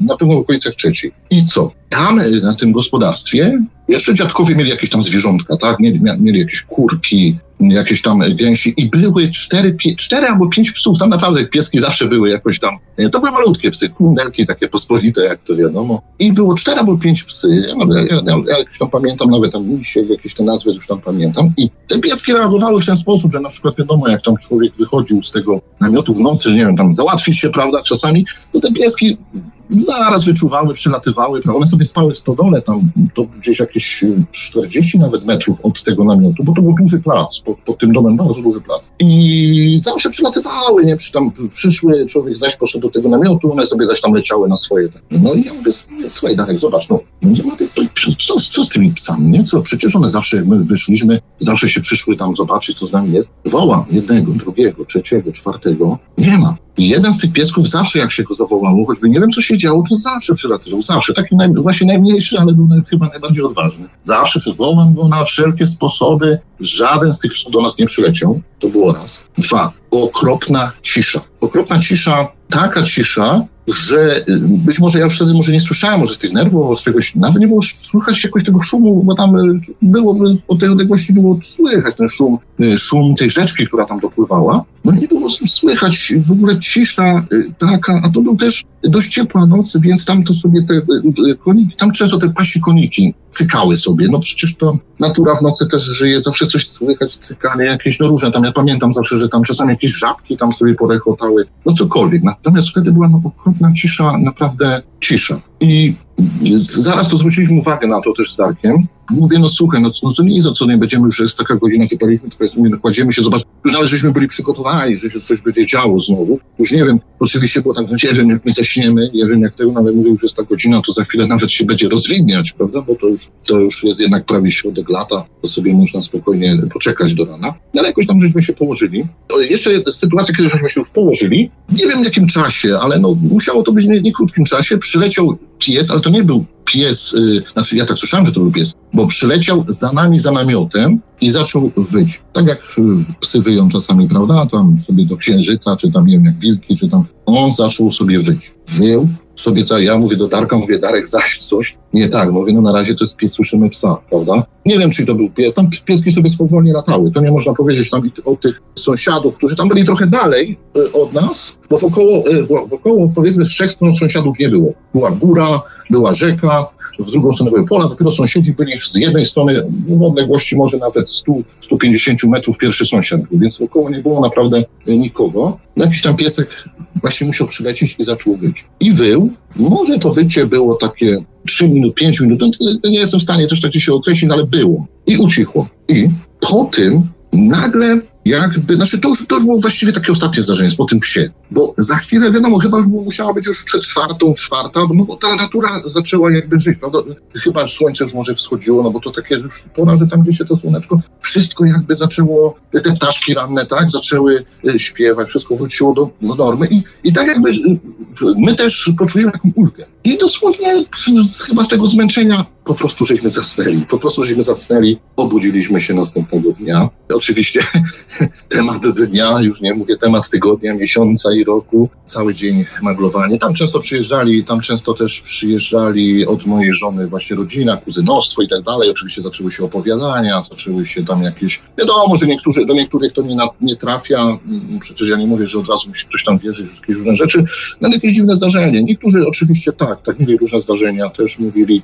No i właściwie na tym się wszystko skończyło. Co jeszcze było z tym szwagrem, tak, którego ja szukałem? Szwagier, myśmy wstali gdzieś może była godzina, no wiadomo, ósma, jakąś tam kawę sobie robili, no a tu nagle o ósmej, można powiedzieć, rano wraca mój szwagier, prawda? No i my, ja do niego mówię, słuchaj, gościu, nie byłeś, jak ty mi wywinąłeś, a mam taki ledwo, co wiadomo, tam już taki był, no całej nocy, no więc w życiu bym, chłopie, ja ledwo co na nogach idę, no i poszedł spać oczywiście, jak potem wstał, opowiedzieliśmy mu to, był naprawdę w szoku też, więc y, też tak jeszcze na koniec powiem tego zdarzenia, że postanowiliśmy w trzech, mówię nie, jak dzisiaj się, no bo człowiek potem myślał, no jak dzisiaj to Oczywiście zaczęliśmy to wiązać właśnie z tym cmentarzem. Zaczęliśmy to wiązać, bo byliśmy, mówię, byliśmy na cmentarzu, zobacz. Zaczęliśmy to, tylko wtedy człowiek tak jakoś nie, ja tak nie wiedziałem, że może coś za nami pójść, czy coś. No to nie było takiego czegoś, prawda? Ja się nawet tym też tak nie interesowałem, dlatego że na przykład moje zainteresowania to raczej były militaria. To ja uwielbiam jakąś tam historię, tak? Z zawodu w ogóle, ja jestem też informatykiem z zawodu, ale uwielbiam historię, uwielbiam militaria, uwielbiam jakieś tam wojskowe sprawy i tak dalej, więc się tym nie interesował. Uwielbiam technologię uwielbiam nowe technologie, więc dla mnie też e, niektóre wyjaśnienia czasami sobie w głowie myślałem, mówię, kurde, muszę to jakoś od tej strony, tej, tej, to, co to mogło być, ktoś mi tu jakieś zostawił, nie wiem, e, czy czaremany mi tutaj robi, czy cokolwiek, więc ja nie miałem wtedy takiej świadomości, więc cały dzień myśleliśmy, co tu zrobić. Postanowiliśmy na drugi dzień, kurczę, mówię, no kurde, zapolujemy na to jakoś, jakoś to kurde sprawdzimy. No i szwagier no, już wtedy z nami był w tym namiocie, season no niestety, no skończyło się tym, że siedzieliśmy do późnych godzin. Oczywiście, żeby było trochę odważniej, no to wtedy żeśmy sobie coś tam, coś tam człowiek sobie wypił na tą odwagę. No i skończyło się tak, że z tego, z tego zmęczenia po prostu poszli spać i tyle. I na tym się wszystkim skończyło. No i tak to właśnie wygląda. Tak wygląda ta moja jedna zdarzenie, które miałem 18 lat temu, które utkwiło mi w pamięci i do tej pory nie potrafię sobie tego wyjaśnić. Więc tak to wyglądało. Jakby coś. Jeżeli dobrze pamiętam, to to wszystko się działo jakoś blisko lasu, tak? Tak, tak. Za domem, ja, ja panu wytłumaczę, jak to wygląda. Za domem, gdzie są dziadkowie, dom jest tak jakby wmontowany w górę, na którym jest bardzo, bardzo taki dość duży las, który się ciągnie w prawą stronę już do tych lasów głębszych, tam po prostu w stronę Bieszczad. To już są głębokie lasy, prawda? To już tam, tam, tam już można takie głębsze lasy, więc nie, jeżeli tam chodzi na przykład o jakieś zwierzęta, to zwierzęta podchodziły, nieraz miałem sytuację, gdzie ja z namiotu wyskakiwałem, ponieważ podchodził sobie jakiś tam rogacz, który tam lubił się drapać, o gałęzie bił, o gałęzie, prawda? I, ja wyskakiwałem oczywiście, żeby go wystraszyć, ale no wiadomo, nie, jak to rogacz gdzieś tam uciekł, znowu, znowu przychodził, szorał się o jakieś tam, bo tam były dalej jabłonki, jabłonie tam były, nie, też, więc one tam czasami podchodziły sobie. Tak to wyglądało, nie? Także las tak, tak, tak, tak, nie? Rozumiem, że to bicie w namiot w żadnym razie nie przypominało takiego pocierania jakby y, porożem. Nie, nie.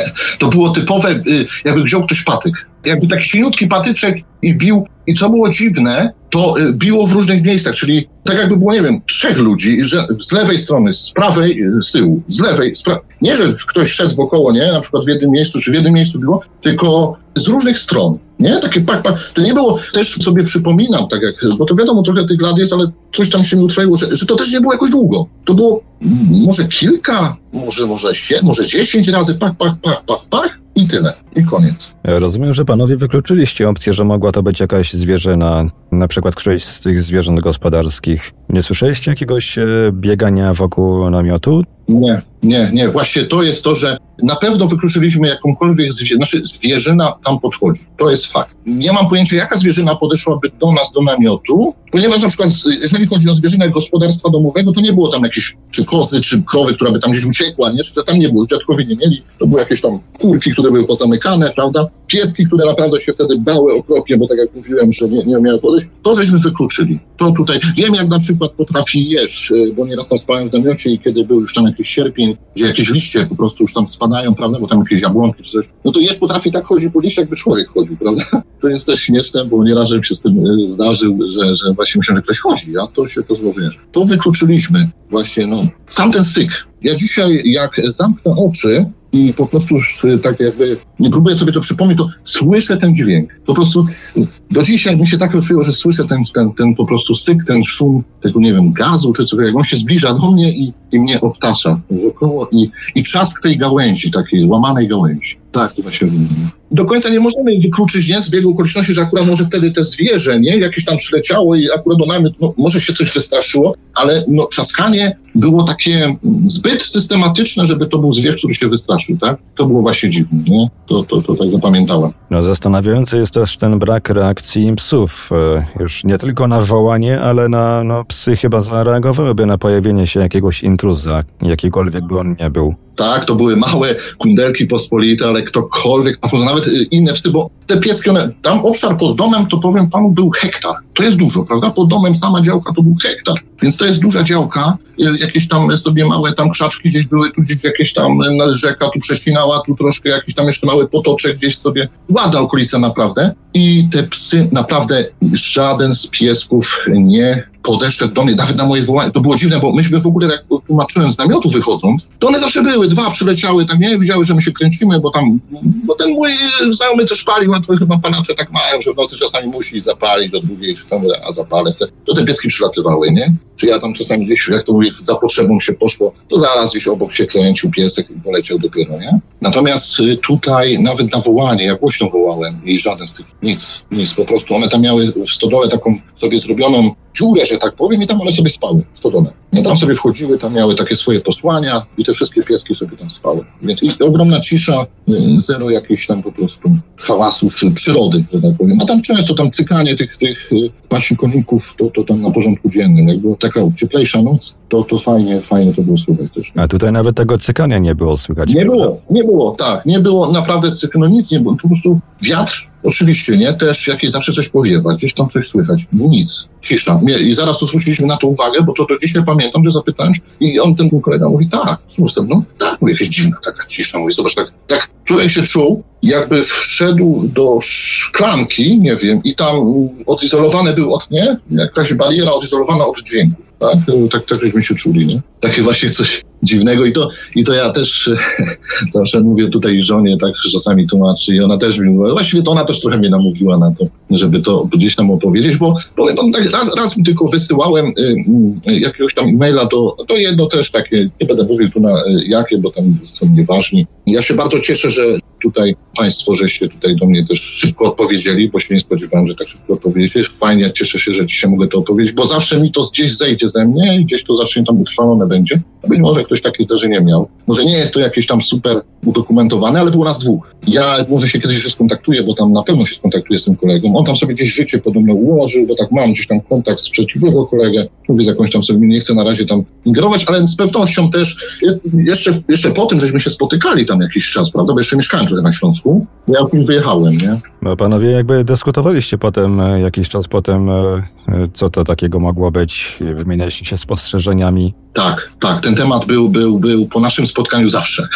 On zawsze wracał, prawda, I, i zawsze się na dyskusji kończyło, co to mogło być. Powtarzaliśmy sobie to samo, tak, on to samo mi mówił, że to słyszał właśnie w ten sposób, tak, że się bił. To było dziwne, że te bicie jakoś, te, ta walka jego, on mi to tłumaczył, on to musiał przejść, bo, bo ja się już obudziłem, prawda? Ja byłem przekonany, że nie wiem, coś, właśnie wtedy byłem przekonany, że na początku, że nie wiem, ktoś nas zaatakował. Potem sobie pomyślałem, że faktycznie jakiś zwierz, tak? Z pędu wpadł jakiś dzik, kurde, no i, no i wiadomo, broje rozwala wszystko, nie? Natomiast on się tak y, y, szamotał, że cały namiot latał i on właśnie mi to tłumaczył. I on znaczy do tej pory, jak jeszcze wcześniej się z nim spotykałem, to mówił mi naprawdę, uwierz mi, czułem jakbym wbił się z kimś. Jakbym po prostu z kimś zapasy, jakby coś się działo na mnie i nie, nie mówił o duszeniu, tylko mówił, że trzymało go, prawda, że, go, że on nie umiał się ruszyć, że szarpał się, ale nie umiał wstać, nie umiał się ruszyć, nie? Tak to zawsze wyglądało. I miał, miał uczucie, jakby ktoś naprawdę, osoba fizyczna. Natomiast no, nikogo tam nie było, nie? Bo kolega, rozumiem, że czuł to jakby fizycznie wszystko. To nie było,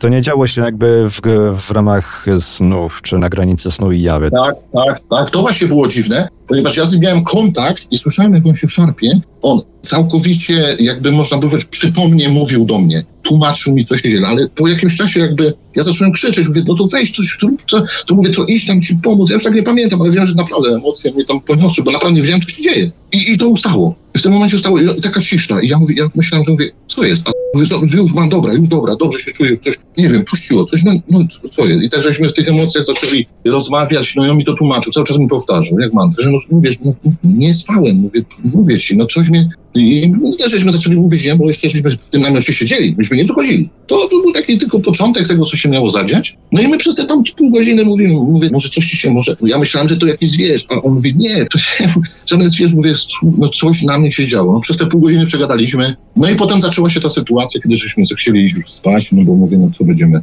z tym po prostu dźwiękiem, który od tej strony, ja myślałem, że samochód na początku jedzie, ale potem dziwnie mówię, no jak samochód przejechał przez rzekę, ale zacząłem już słyszeć taki dźwięk, tak jak mówię, dzisiaj go naprawdę jeszcze, można powiedzieć sobie, przypominam i słyszę. Y, butla z gazem, jakby się puściło syczenie takie wysoko, wysokoprężne, można powiedzieć, syczenie. Otacza mnie wokoło i jak już y, znika ten dźwięk tej butli, y, jest łamanie takiej gałęzi, takiej naprawdę solidnej, porządnej gałęzi. Jakby się drzewo jakby się nawet złamało, tak by to wyglądało. No nie wiadomo co to było, ale wiadomo, że się panami zainteresowało. Można to właściwie podpiąć pod pewnymi względami pod y, żywy folklor, bo tam jakby ewidentnie jakaś istotka chyba koło was się kręciła. Też to, żeśmy tak, tak potem jakiś sobie... skrzat, prawda? Tak, tak, tak, w latach, w latach można sobie to jakoś... Powiem tak, ja potem e, zacząłem też, bo wiadomo, ja później, późniejsze lata tam jeździłem, prawda, no bo to ja do tej pory tam, bo tam y, mieszkają, mieszkali, teraz tam mieszkał, tylko został y, teściu, wybudował tam dom nowy, nie, bo dziadków już nie ma, tu już są lata jakieś nie ma. Ja tu niedaleko mieszkam też tej miejscowości, bo się przeprowadziłem Pieszczady też, można powiedzieć, tak ja tak trochę dalej od mieszkam. I ja tam często jestem, jestem tam kilka razy do roku, prawda, i wiadomo, że tam tych ludzi jakoś tam się poznało, zaczęło się tam z nimi rozmawiać, z młodszymi ode mnie wiadomo. I wiem na pewno, na 100% jestem pewien, były kiedyś w latach tam też nawet obrzędki satanistyczne odprawiane. Jest tam taka jedna góra, mm, ja tak nie będę mówił, żeby to tam nie tego, tam wiem na 100%, y, bo to wiem z różnych, nawet nie opowiadań, tylko świadków, którzy tam mówili, bo tam nawet było głośno, podobno gdzieś tam nawet przez kościół i tak dalej, były obrządki satanistyczne, to były ze wsi tam. Ci ludzie dzisiaj będą, podejrzewam, w moim wieku, y, którzy tam te obrządki robili. Wiem też z informacji tych żyjących tam ludzi, trochę młodszych ode mnie, oni będą też mieli tak gdzieś po 30 parę lat teraz, że mieli różne zdarzenia w domach na przykład, prawda? Czyli też po jakiejś tam wizycie gdzieś, czy tam u góry na tym cmentarzu, że się różne rzeczy się im działy, tylko to było dziwne, że one się działy i powiedzmy to jednym, nie było tak, że to się ciągnie, prawda? Jeden, dwa dni, czy tam i, i, i to znikało. Nie było, nie trzeba było nic tam jakichś tam y, robić obrządków, czy tam czegokolwiek, żeby to po prostu znikało. Pobawiło się i tak, to wiem z kilku, z kilku po prostu opowiadań. No bo człowiek, jak już to się zdarzyło, to zaczął gdzieś tam drążyć ten temat. I niektórzy faktycznie zaczęli mi opowiadać takie rzeczy, że ja mówię, aha, no to okej, okay, okej, okay, w porządku.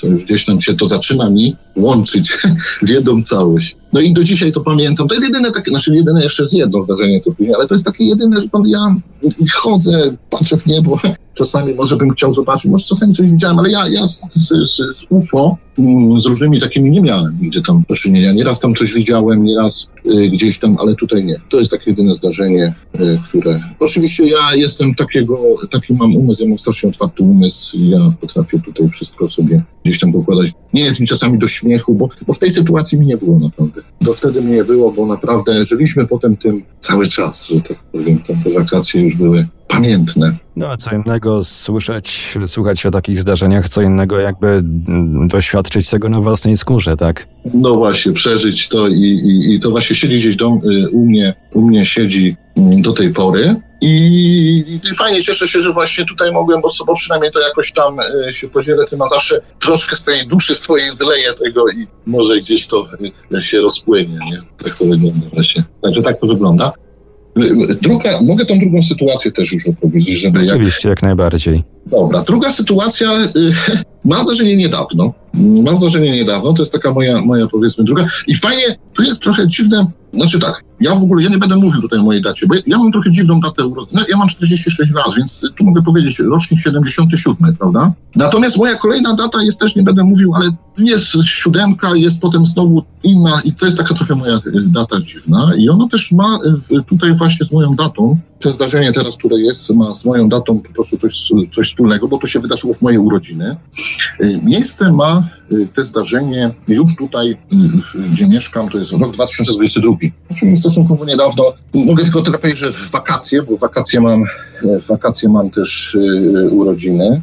Rok 2022, gdzie już tutaj mieszkam, ja tutaj mieszkam 12 lat. Tak, 12 lat. Przyjeżdża właśnie do mnie szwagier, ten właśnie, który, z którym tam żeśmy wtedy co na tej zabawie był, tu, na którego żeśmy byli przez jakiś czas, że tak powiem, pewni, że to on nam te figle płata. Przyjeżdża do mnie rano, to są moje urodziny, on tutaj jest właśnie w tam miejscowości, w tych, w tych gdzie się to działo, ta poprzednia historia, no bo on tam ma y, ojca, prawda? Więc oni tam są i przyjeżdżają do mnie, a no posiedzimy trochę, nie wiadomo, urodziny jakiegoś tam y, piwka się napijemy. Ładny dzień, pamiętam, ładny dzień, ale on przyjeżdża taką y, ciężarówką, można powiedzieć, znaczy to takim tranzytem, nie? Takim tranzytem, bo on też tutaj niedaleko w miejscowości kupił sobie dom. No jestem rok 2020, więc przywiózł parę rzeczy, które prosił mnie tam chyba desk, jakieś tam różne rzeczy, żeby z nim zajechać. To jest jakieś dwie, trzy miejscowości od mojej tutaj miejscowości. Y, pojedziesz ze mną, rozładujemy, a przyjechał ze swoją partnerką, ze swoją partnerką i ze, swoją, ze swoim tam, bodajże on miał dwa lata, dwuletnim synkiem. No i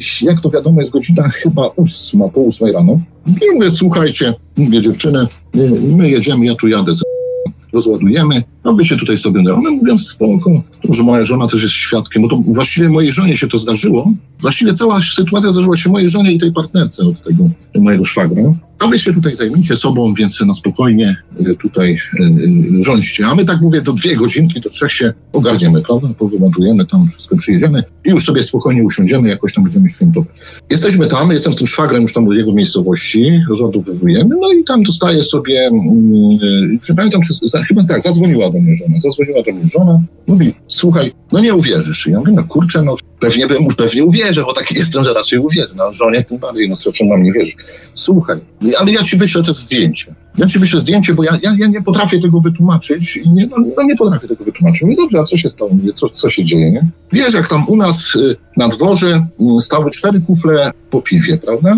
Y, Standardowe kufle, nie z tego grubego szkła, tylko takie no półlitrowe, tak jak są standardowe w, barach, że tak powiem, bez uchwytu, nie? Cztery kufle. One y, stały, te kufle, od poprzedniego dnia, bo moja żona miała taki zwyczaj, że jak coś tam się wypiło, czy tam coś wiadomo, jakieś piwko, to raczej umyła, postawiła przy sobie, one sobie tam stały na stoliku przy huśtawce, taką, mamy taką huśtawkę tam i tam jakby na drugi dzień sobie czekały, można było opłukać, prawda, takie miały jakiś taki sobie zwyczaj. I one sobie tam przez całą noc stały do rana, no i one stwierdziły, że jakby sobie pojechaliśmy, to one już sobie na ten proces wypiją spokojnie tam po piwku, nie? Naleją sobie, zanim my sobie tam przyjedziemy. No i moja żona y, podchodzi do tych kufli, wzięły sobie po piwie, chciały sobie nalać do tych kufli i nie, nie nalały do tych kufli, nie nalała ani żona i bierze za jeden kufel, tak, podnosi go.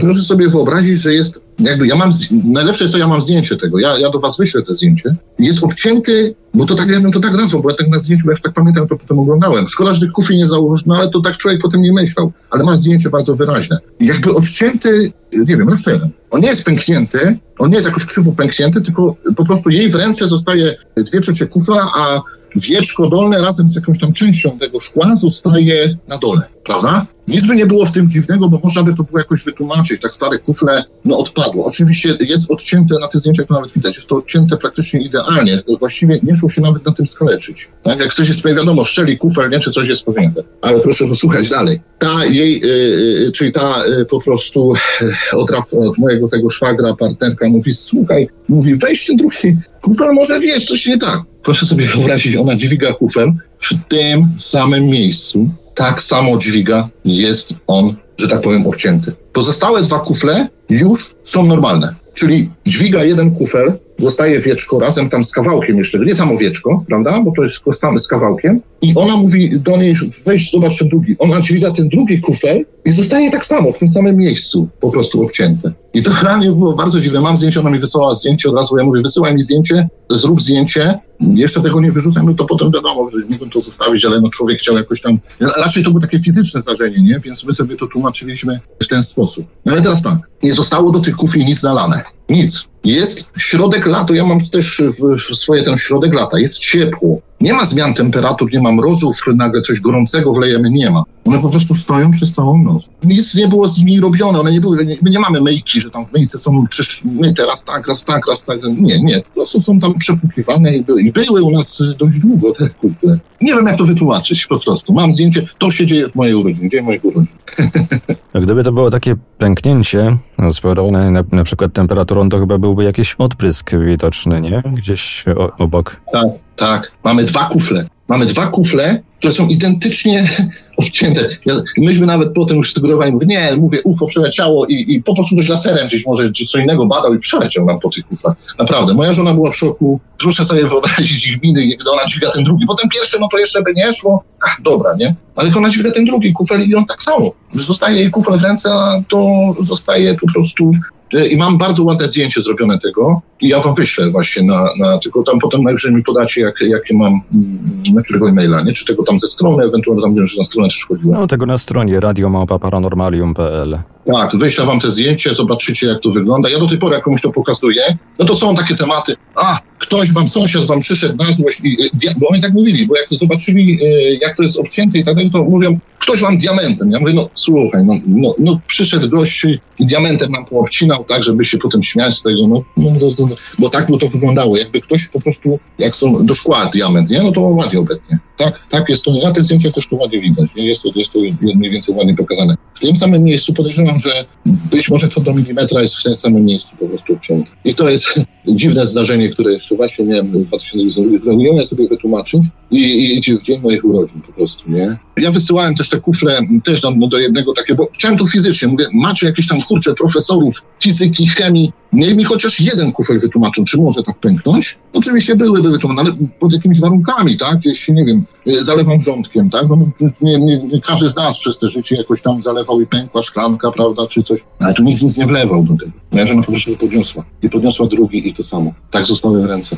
A ta krawędź była jakaś taka jakby wygładzona, zaokrąglona? Właśnie ona, ja już tak nie pamiętam, wiem, że na pewno nie szło się o nią y, przeciąć, ale na zdjęciach ona mi się wygląda zaokrąglona. Jakby mm, przy tym tym jakby nie była właśnie taka ostra, tylko bardziej taka zaokrąglona. I tak jakby krawędź takiego normalnego kufla, tak? Tak jakby krawędź takiego normalnego kufla, nie? I to było dziwne. I te kufle stały właśnie, to było dziwne, że dopiero póki... Bo ja jeszcze uważam tak, w momencie kiedyś rozprężenia jakiegoś, ja już to tak tłumaczę, tam nie wiadomo, że gdzieś szukałem jakiś, jak to wygląda. I w momencie, kiedy, no wiadomo, szkło pracuje, tak? Temperatura, każdy materiał pracuje. W momencie rozprężenia jakby pękło, to ten kufel teoretycznie powinien się przewrócić, nie? Bo jakaś pękło coś, jakieś jest rozprężenie, kufel się przewraca. A te kufle one stały. W momencie dopiero, kiedy tak jakby to moja żona chwyciła i w tym momencie się obcięło i ona podniosła. I drugi chwyta, znowu się obcięło i to podniosła. Przecież nie było, nie było przechylone te kufle, nie było, żona przychodzi, o Jezus, kufle, kufle leżą z dna, co się tu podziało, nie? One stały. I w momencie, kiedy moja żona je dźwiga, to zostaje i drugi to samo. To jest, to jest właśnie też jedna z takich właśnie,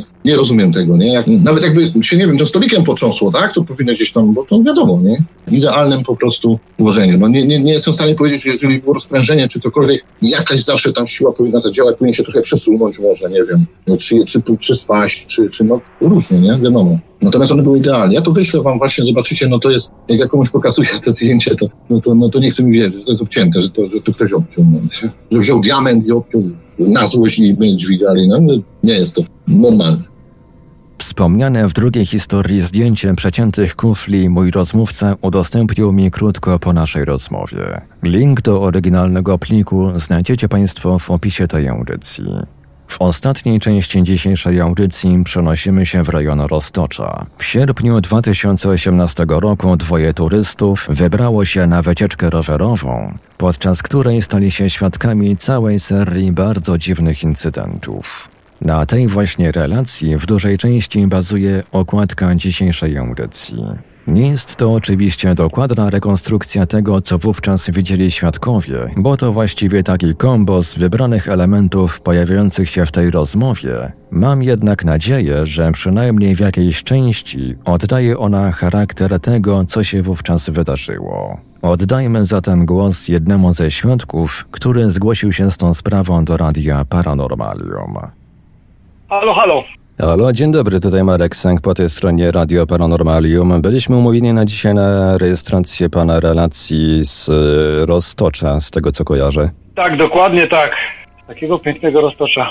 To możemy zaczynać. Jakby pan mógł zacząć od określenia mniej więcej, kiedy to było, jakie to była okolica. To był rok 2018, przełom sierpnia, początek jakby września, końcówka sierpnia bardziej będzie, bo ja już nie, nie pamiętam 27, 28, 29 bodajże sierpnia. W każdym bądź razie zajmowaliśmy się eksplorowaniem roztocza rowerowo. Ja i moja koleżanka. Ja robię stricte wyszukuję ciekawe miejsca, do których trzeba naprawdę dotrzeć po gruzach, jak ja to mówię, po lesie, na przestrzał. Moja koleżanka zbiera materiały do książek na temat historii, e, religii i tak dalej. Mieliśmy dzień, pierwszy dzień żeśmy zakończyli na spokojnie, drugi żeśmy zaczęli niby spokojnie, ale nie do końca. Zaplanowaliśmy sobie trasę 70 parę kilometrów. Nic nie zapowiadało samego rana, nawet na siadaniu, że coś tego dnia się wydarzy. Rozpoczęliśmy start w Suścu. To jest, jak popatrzę, to Józefowa, Zamość, to są te rejony tutaj. Mieliśmy pojechać najpierw na Szumy Notangli, potem na wodospad na Jeleniu. Ja miałem sprawdzić tam przy okazji dróżkę, która prowadzi w głąb lasu, wzdłuż tego potoku, bo jest pięknie niesamowity. Tam w nocy się fajne rzeczy dzieją ze zwierzętami. No, niestety tam były tłumy. Ja mówię do mojej koleżanki, słuchaj, ja tu zdjęć nie będę robił, bo jest za dużo ludzi i tak dalej. Ja mówię, pojedziemy, wrócimy sobie wieczorem na spokojnie na powrocie. Pojechaliśmy na tak zwane czartowe pole w kierunku Nowin. To jest w zasadzie 3 km od Suśca w linii prostej. Po drodze jest kamieniołom w Nowinach. Stary, nieczynny kamieniołom, zrekultywowany, można go zwiedzać, jest wieża widokowa na skarpie, ja wiem, z 15 metrów wysokości mniej więcej od tego gruntu, gdzie się tam na dole chodzi. Wdrapaliśmy się tam na górę po schodach, rowery gdzieś tam stały na dole. I stojąc baszcie, na tej wieży, obserwując tą Puszczę Solską, ja tak po, po, spoglądam w niebo i mówię, że ja mówię, zobacz na to niebo. Ono jest pięknie błękitne, ale ono ma jakieś dziwne kolory jeszcze. Ona mówi, takie szare kropki. Wygląda jak kasza, jakby było matowe. A no właśnie, tego jest wszędzie. Ale nie rozkminialiśmy. Zrobiliśmy parę zdjęć, pojechaliśmy dalej w kierunku Czartowego Pola już, w zasadzie, bo to jest po sąsiedzku. Na parkingu Czartowego Pola, to znaczy jest parking dość spory, tam się zmieści z 50 samochodów lekko. Ja dobrze pamiętam, że tam było około 10-11 samochodów, dlatego że one stały zaparkowane między pewnymi drzewami. Ja tam byłem wielo, wielo, wielokrotnie. Nawet po tej całej akcji tego dnia, o której właśnie teraz opowiadam, patrzyłem jak ten parking wygląda, bo sobie jeszcze główkowałem czy na pewno wszystko było w porządku w ten dzień. Stało około 11, 10, 11 samochodów, ale zaraz obok jest MOR, czyli miejsce obsługi rowerzysty i tam stało masa rowerów. Bardzo dużo. To była jakaś zorganizowana wycieczka, musiała przyjechać, bo tam i sakwy wisiały, plecaki były pozawieszane na kierownicach. Ja mówię do mojej koleżanki, wiesz co, widzę tu też będą tłumy. Mówię, ale już jesteśmy, tu nie będziemy tym jechać, to porobimy chociaż tak parę zdjęć z ukrycia po prostu, żeby, żebyśmy coś mieli. Czartowe pole to jest taki system takich potoków i kaskad wodnych, gdzie woda spada Różnica tam jest wysokości 3 metry mniej więcej od wejścia, do, gdzie ona wpada na ten, na ten teren i wypada już z niego. Woda spada po takich kamieniach, różnych e, uskokach, przez drzewa i w ogóle piękne, piękne, piękne miejsce. Ona ma dwie ścieżki. Jest ścieżka dolna i jest ścieżka górna. I jakkolwiek którą ścieżką iść, nie ma możliwości, żeby nie zobaczyć drugiej ścieżki na dole. Idzie się równolegle. Tam ona chwilami tylko odbija, dosłownie na moment, od, jedna od drugiej. Ale nie ma możliwości, żeby nie kogoś nie usłyszeć, nie zobaczyć. Wyobraźcie sobie, nie było tam nikogo, ani żywej duszy. Ja mówię, robię zdjęcia, robię zdjęcia, bo przykładam uwagę, żeby było jak najmniej ludzi, bo robię zdjęcia dla siebie. Nie chcę mieć tłumów, nie chcę potem jak udostępniam zdjęcia, żeby ktoś powiedział, on tam jest, on tam nie chce być. Jest różnie. I wychodzimy stamtąd, ja mówię, widziałaś kogoś, słyszałaś? Mówi, nie. No właśnie to jest dziwne. Ja mówię, bo przy tylu samochodach oni wszyscy poszli w las? Na grzyby? Niemożliwe. Ja mówię, tam nie było nikogo na dole. Ja mówię, poczekaj, ja coś jeszcze sprawdzę. Wejście na czartowe pole są dwa. Jedno przy parkingu, drugie 100 metrów dalej się idzie tak jakby w głąb placu taką ścieżką górną i schodzi się też jakby u podnóża górnej ścieżki tej dolnej.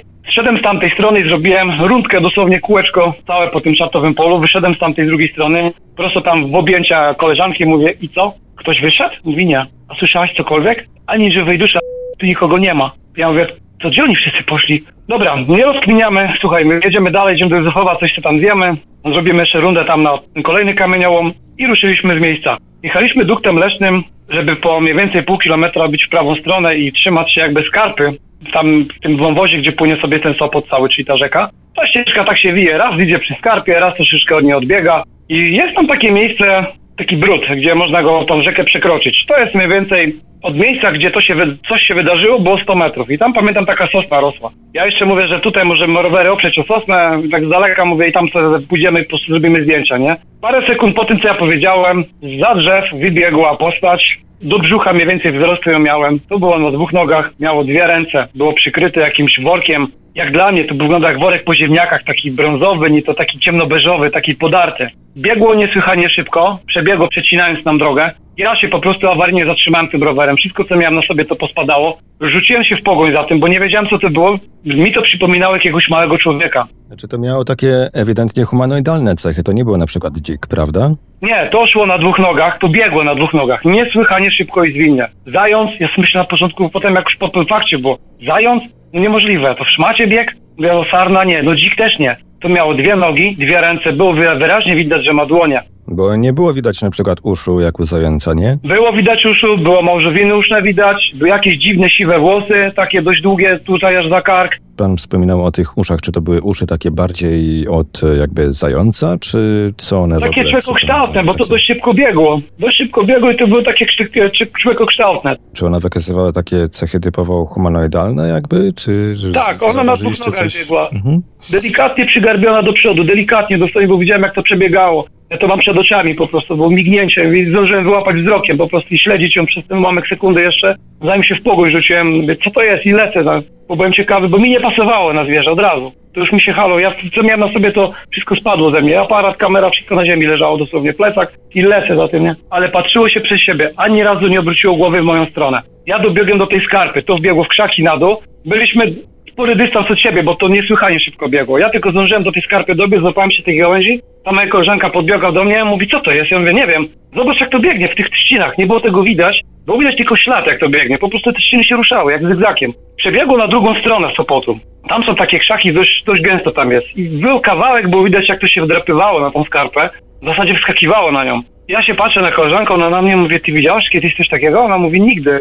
Ja jeszcze teraz powiem jedną rzecz. Osoba, która ze mną była, twardo chodzi po ziemi. Ona nie wierzy w zabobony typu krasnoludki, UFO, jakieś dziwne rzeczy, nie. Ona wierzy w to, co zobaczy. Także my żeśmy po tej całej akcji tego dnia mieliśmy dużo rozmowy. Czy na pewno nie myślę o mamów, czy myśmy coś zjedli dziwnego, nie wiem, halucynacje, cokolwiek. Ale zbyt dużo ludzi tego samego dnia jeszcze inne rzeczy widziało oprócz nas. Więc coś się dziwnego działo. Generalnie ja zszedłem do tego wąwozu na dół po tych korzeniach, bo tam jest 5 do 6 metrów wysokości, po prostu pionowa ściana nawet i tam tylko korzenie trzymają, korzenie są tak jak, jak, jak drabina to wygląda, dosłownie taki gałęź opląs.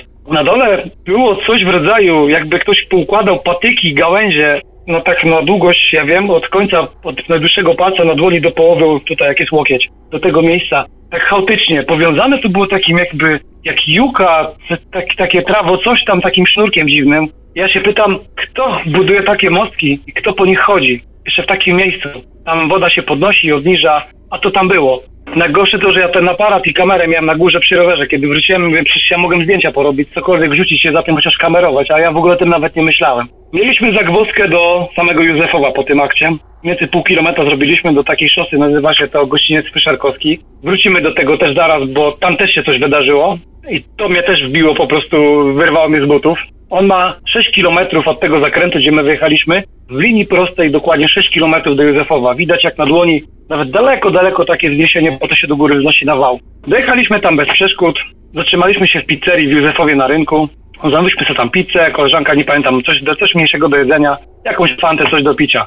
W pewnym momencie rozległ się huk. To był tak przeraźliwy huk, przypominał uderzenie końskiego bicza, tylko to było potężne. To nie było jakieś miejscowe, tylko to było słychać ogólnie. Wszyscy, co tam byli, ci ludzie, ci turyści na rynku, w tej restauracji, no, bo to na zewnątrz było ogródeczek, wszyscy się zerwali, jakby dostali jakiegoś uderzenia. Poleciały talerze, wszystkie te jedzenia, picia się powylewały, sztućce, szklanki się pobyły. Po prostu wyrywało wszystkich z butów, bo nikt nie wiedział, co się stało. Ludzie na rynku obracali się w każdą różną stronę, do góry, na dół, co się dzieje. Nikt nic nie wiedział. Ja się pooblewałem, mówię, słuchaj, kurde, co jest grane? Idę się obmyć, bo mam cztery bidony przy rowerze, dwa są z wodą, dwa z elektrolitami. Mówię, opłuczę się, bo się całe lepie. Rower stał na dole, przy krawędzi budynku, na rogu budynku w zasadzie. Kiedy zszedłem na dół, pukałem sobie ręce, gdzieś tam kątem oka patrzę, że ludzie gdzieś się patrzą w moją stronę, tylko tak trochę bardziej w prawo jeszcze, nie?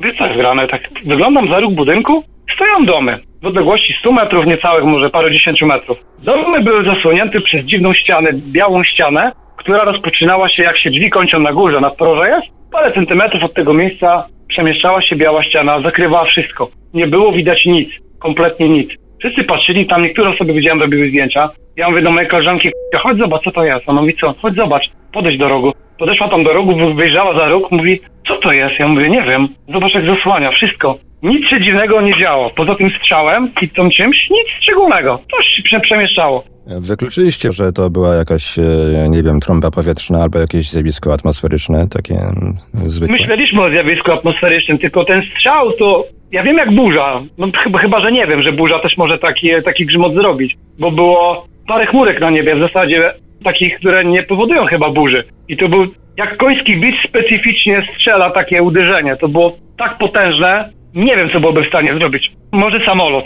No ja się kiedyś na swoich, że tak powiem, uszach przekonałem, jak brzmi burza, tak, tak naprawdę z bliska, ale to wtedy mnie dopadło na szczycie góry, a wy chyba wtedy na szczycie góry nie byliście, prawda? Nie, też miałem, tak, kiedyś też się spotkałem z, w górach z burzą, bo ja często po górach chodzę i na szczęście miałem wiatę. No to trzaska nie miłosiernie. Nie, to nie, tam akurat nie i ten dzień nie zapowiadał się w ogóle na burzowo nawet. Miała być ładna pogoda, było ciepło, nie było mega gorąco, było optymalnie. Właśnie sam raz na jeżdżeniu na rowerze właśnie. Tylko zastanawiałem mnie to zjawiska, które się działy, które zaraz jeszcze powiem, co się jeszcze działo, bo tam się parę rzeczy nie zgadzało. Myśmy sobie próbowali racjonalnie wytłumaczyć parę rzeczy, tak jak się uczyliśmy, tak jak żeśmy wiedzę zdobywali. Nic tu się kupy nie trzyma.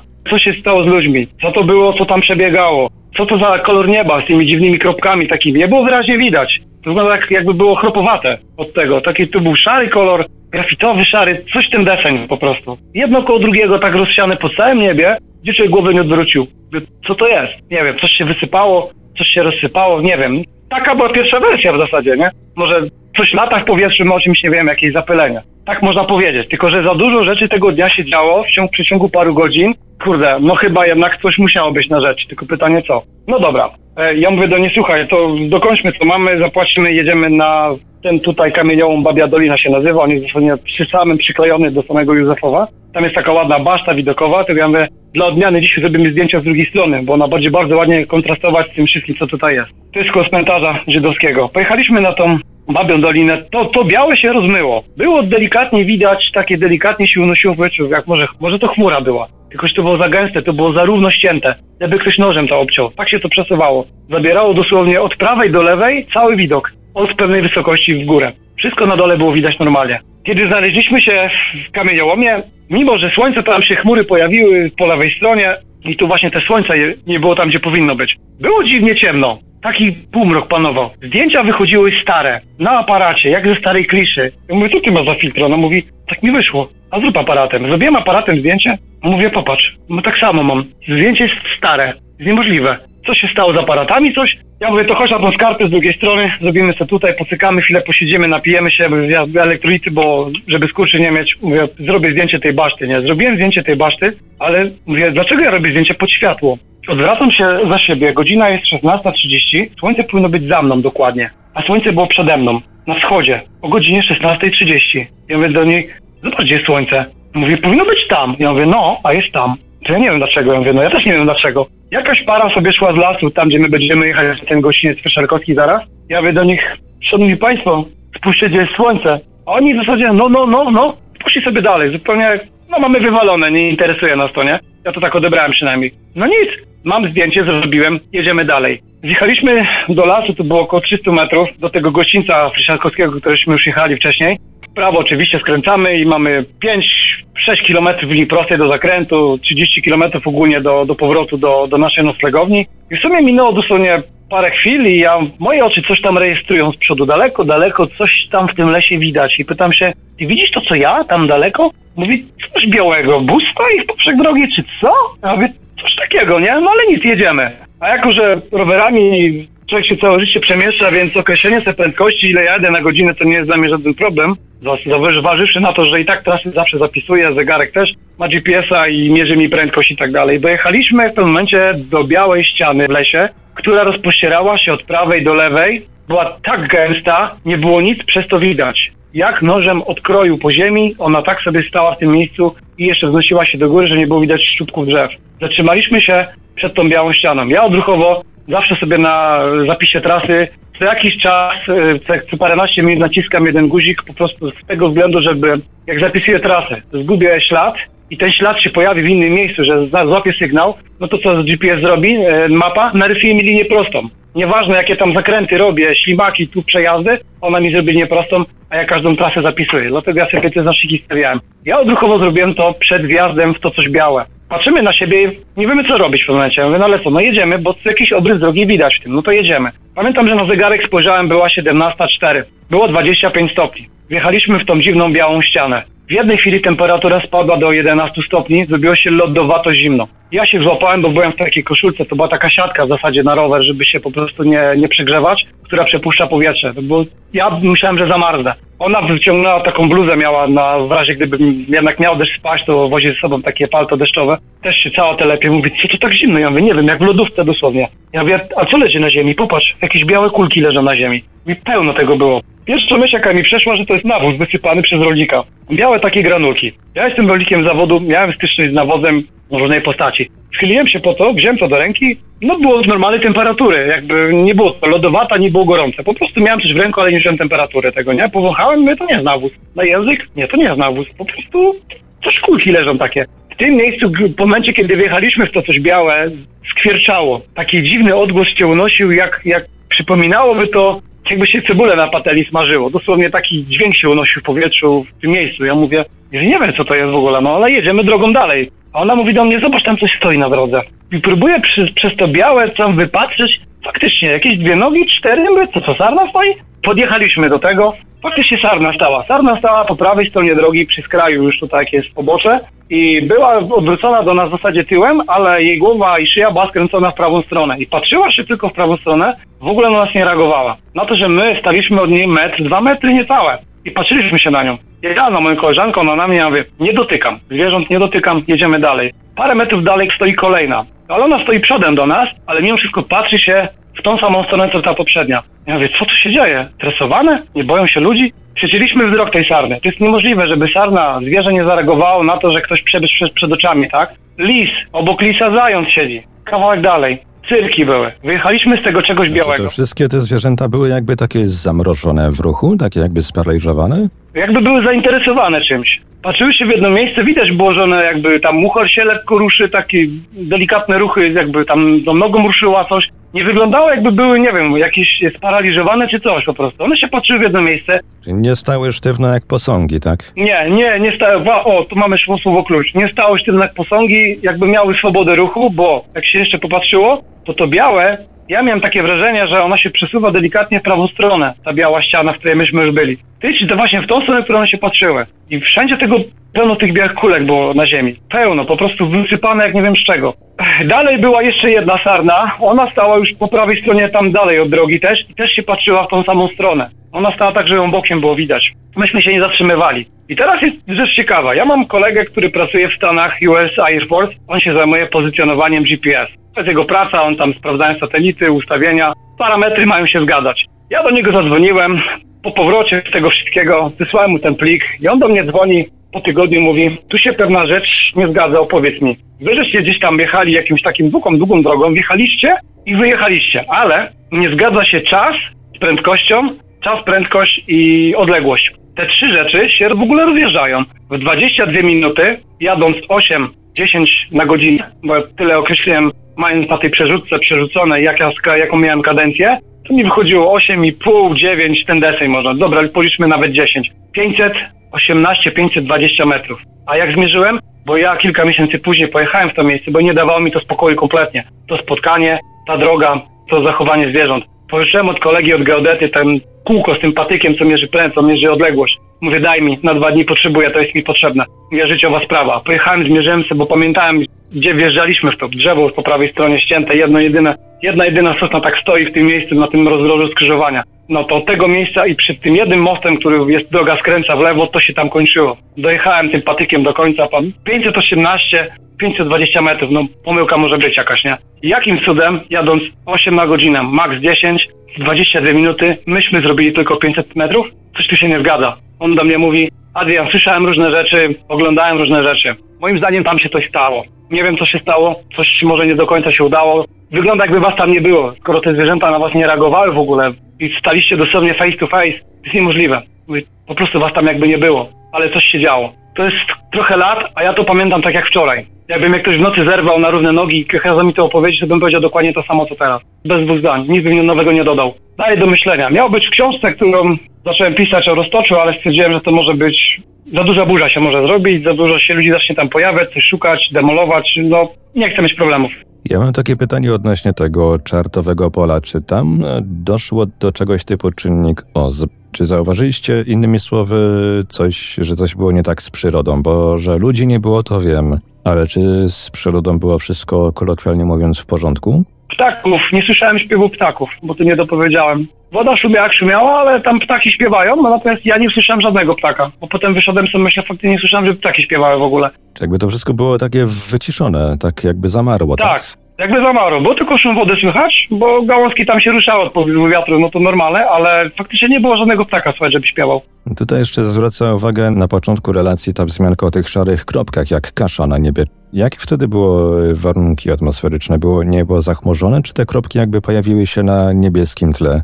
Niebo było błękitne, było parę takich najzwyklejszych chmurek, jak to w lecie sobie czasami przelatują koło słońca. Więcej było niebieskiego nieba niż tych chmurek. Tak, no może powiedzmy, 90% nieba to było bezchmurne niebo, a te 10% to były takie małe chmurki białe, które się przemieszczały po niebie. Nie burzowe, na pewno nie, bo one są specyficzne dość. Ale to przyroda, może być różnie. I one, ja podniosłem głowę do góry po prostu. Ja mówię, tak patrzę, ładny błękit, ale ten błękit coś tu nie pasuje. Mówię, co to za niebo? A takie kropki mówię, no, wszędzie, na całym niebie. Na chmurach nie zauważyłem, żeby były. Tylko na błękitym niebie było je widać. Bo ja na chmury się patrzyłem, przemierzałem okiem i tylko na błękitym niebie były te kropki. No to rzeczywiście taki element dosyć mocno zwracający uwagę. Znaczy ja jestem wzrokowcem, ja na przykład robiąc zdjęcia przykuwam uwagę do wielu rzeczy, więc ja wyłapuję też no, daleko widzę. Przecież ja mam problemy z widzeniem z bliska, na przykład żeby czytać, ja potrzebuję okulary, ale ja z wielu kilometrów coś potrafię zobaczyć, jakąś mały szczegół i zaraz, aha, dobra. Z 8 kilometrów wierzę w Józefowie, z zwierzyńca mi się nawet udało wyłapać i to na aparacie, który ledwo, ledwo łapie zdjęcia, jest, że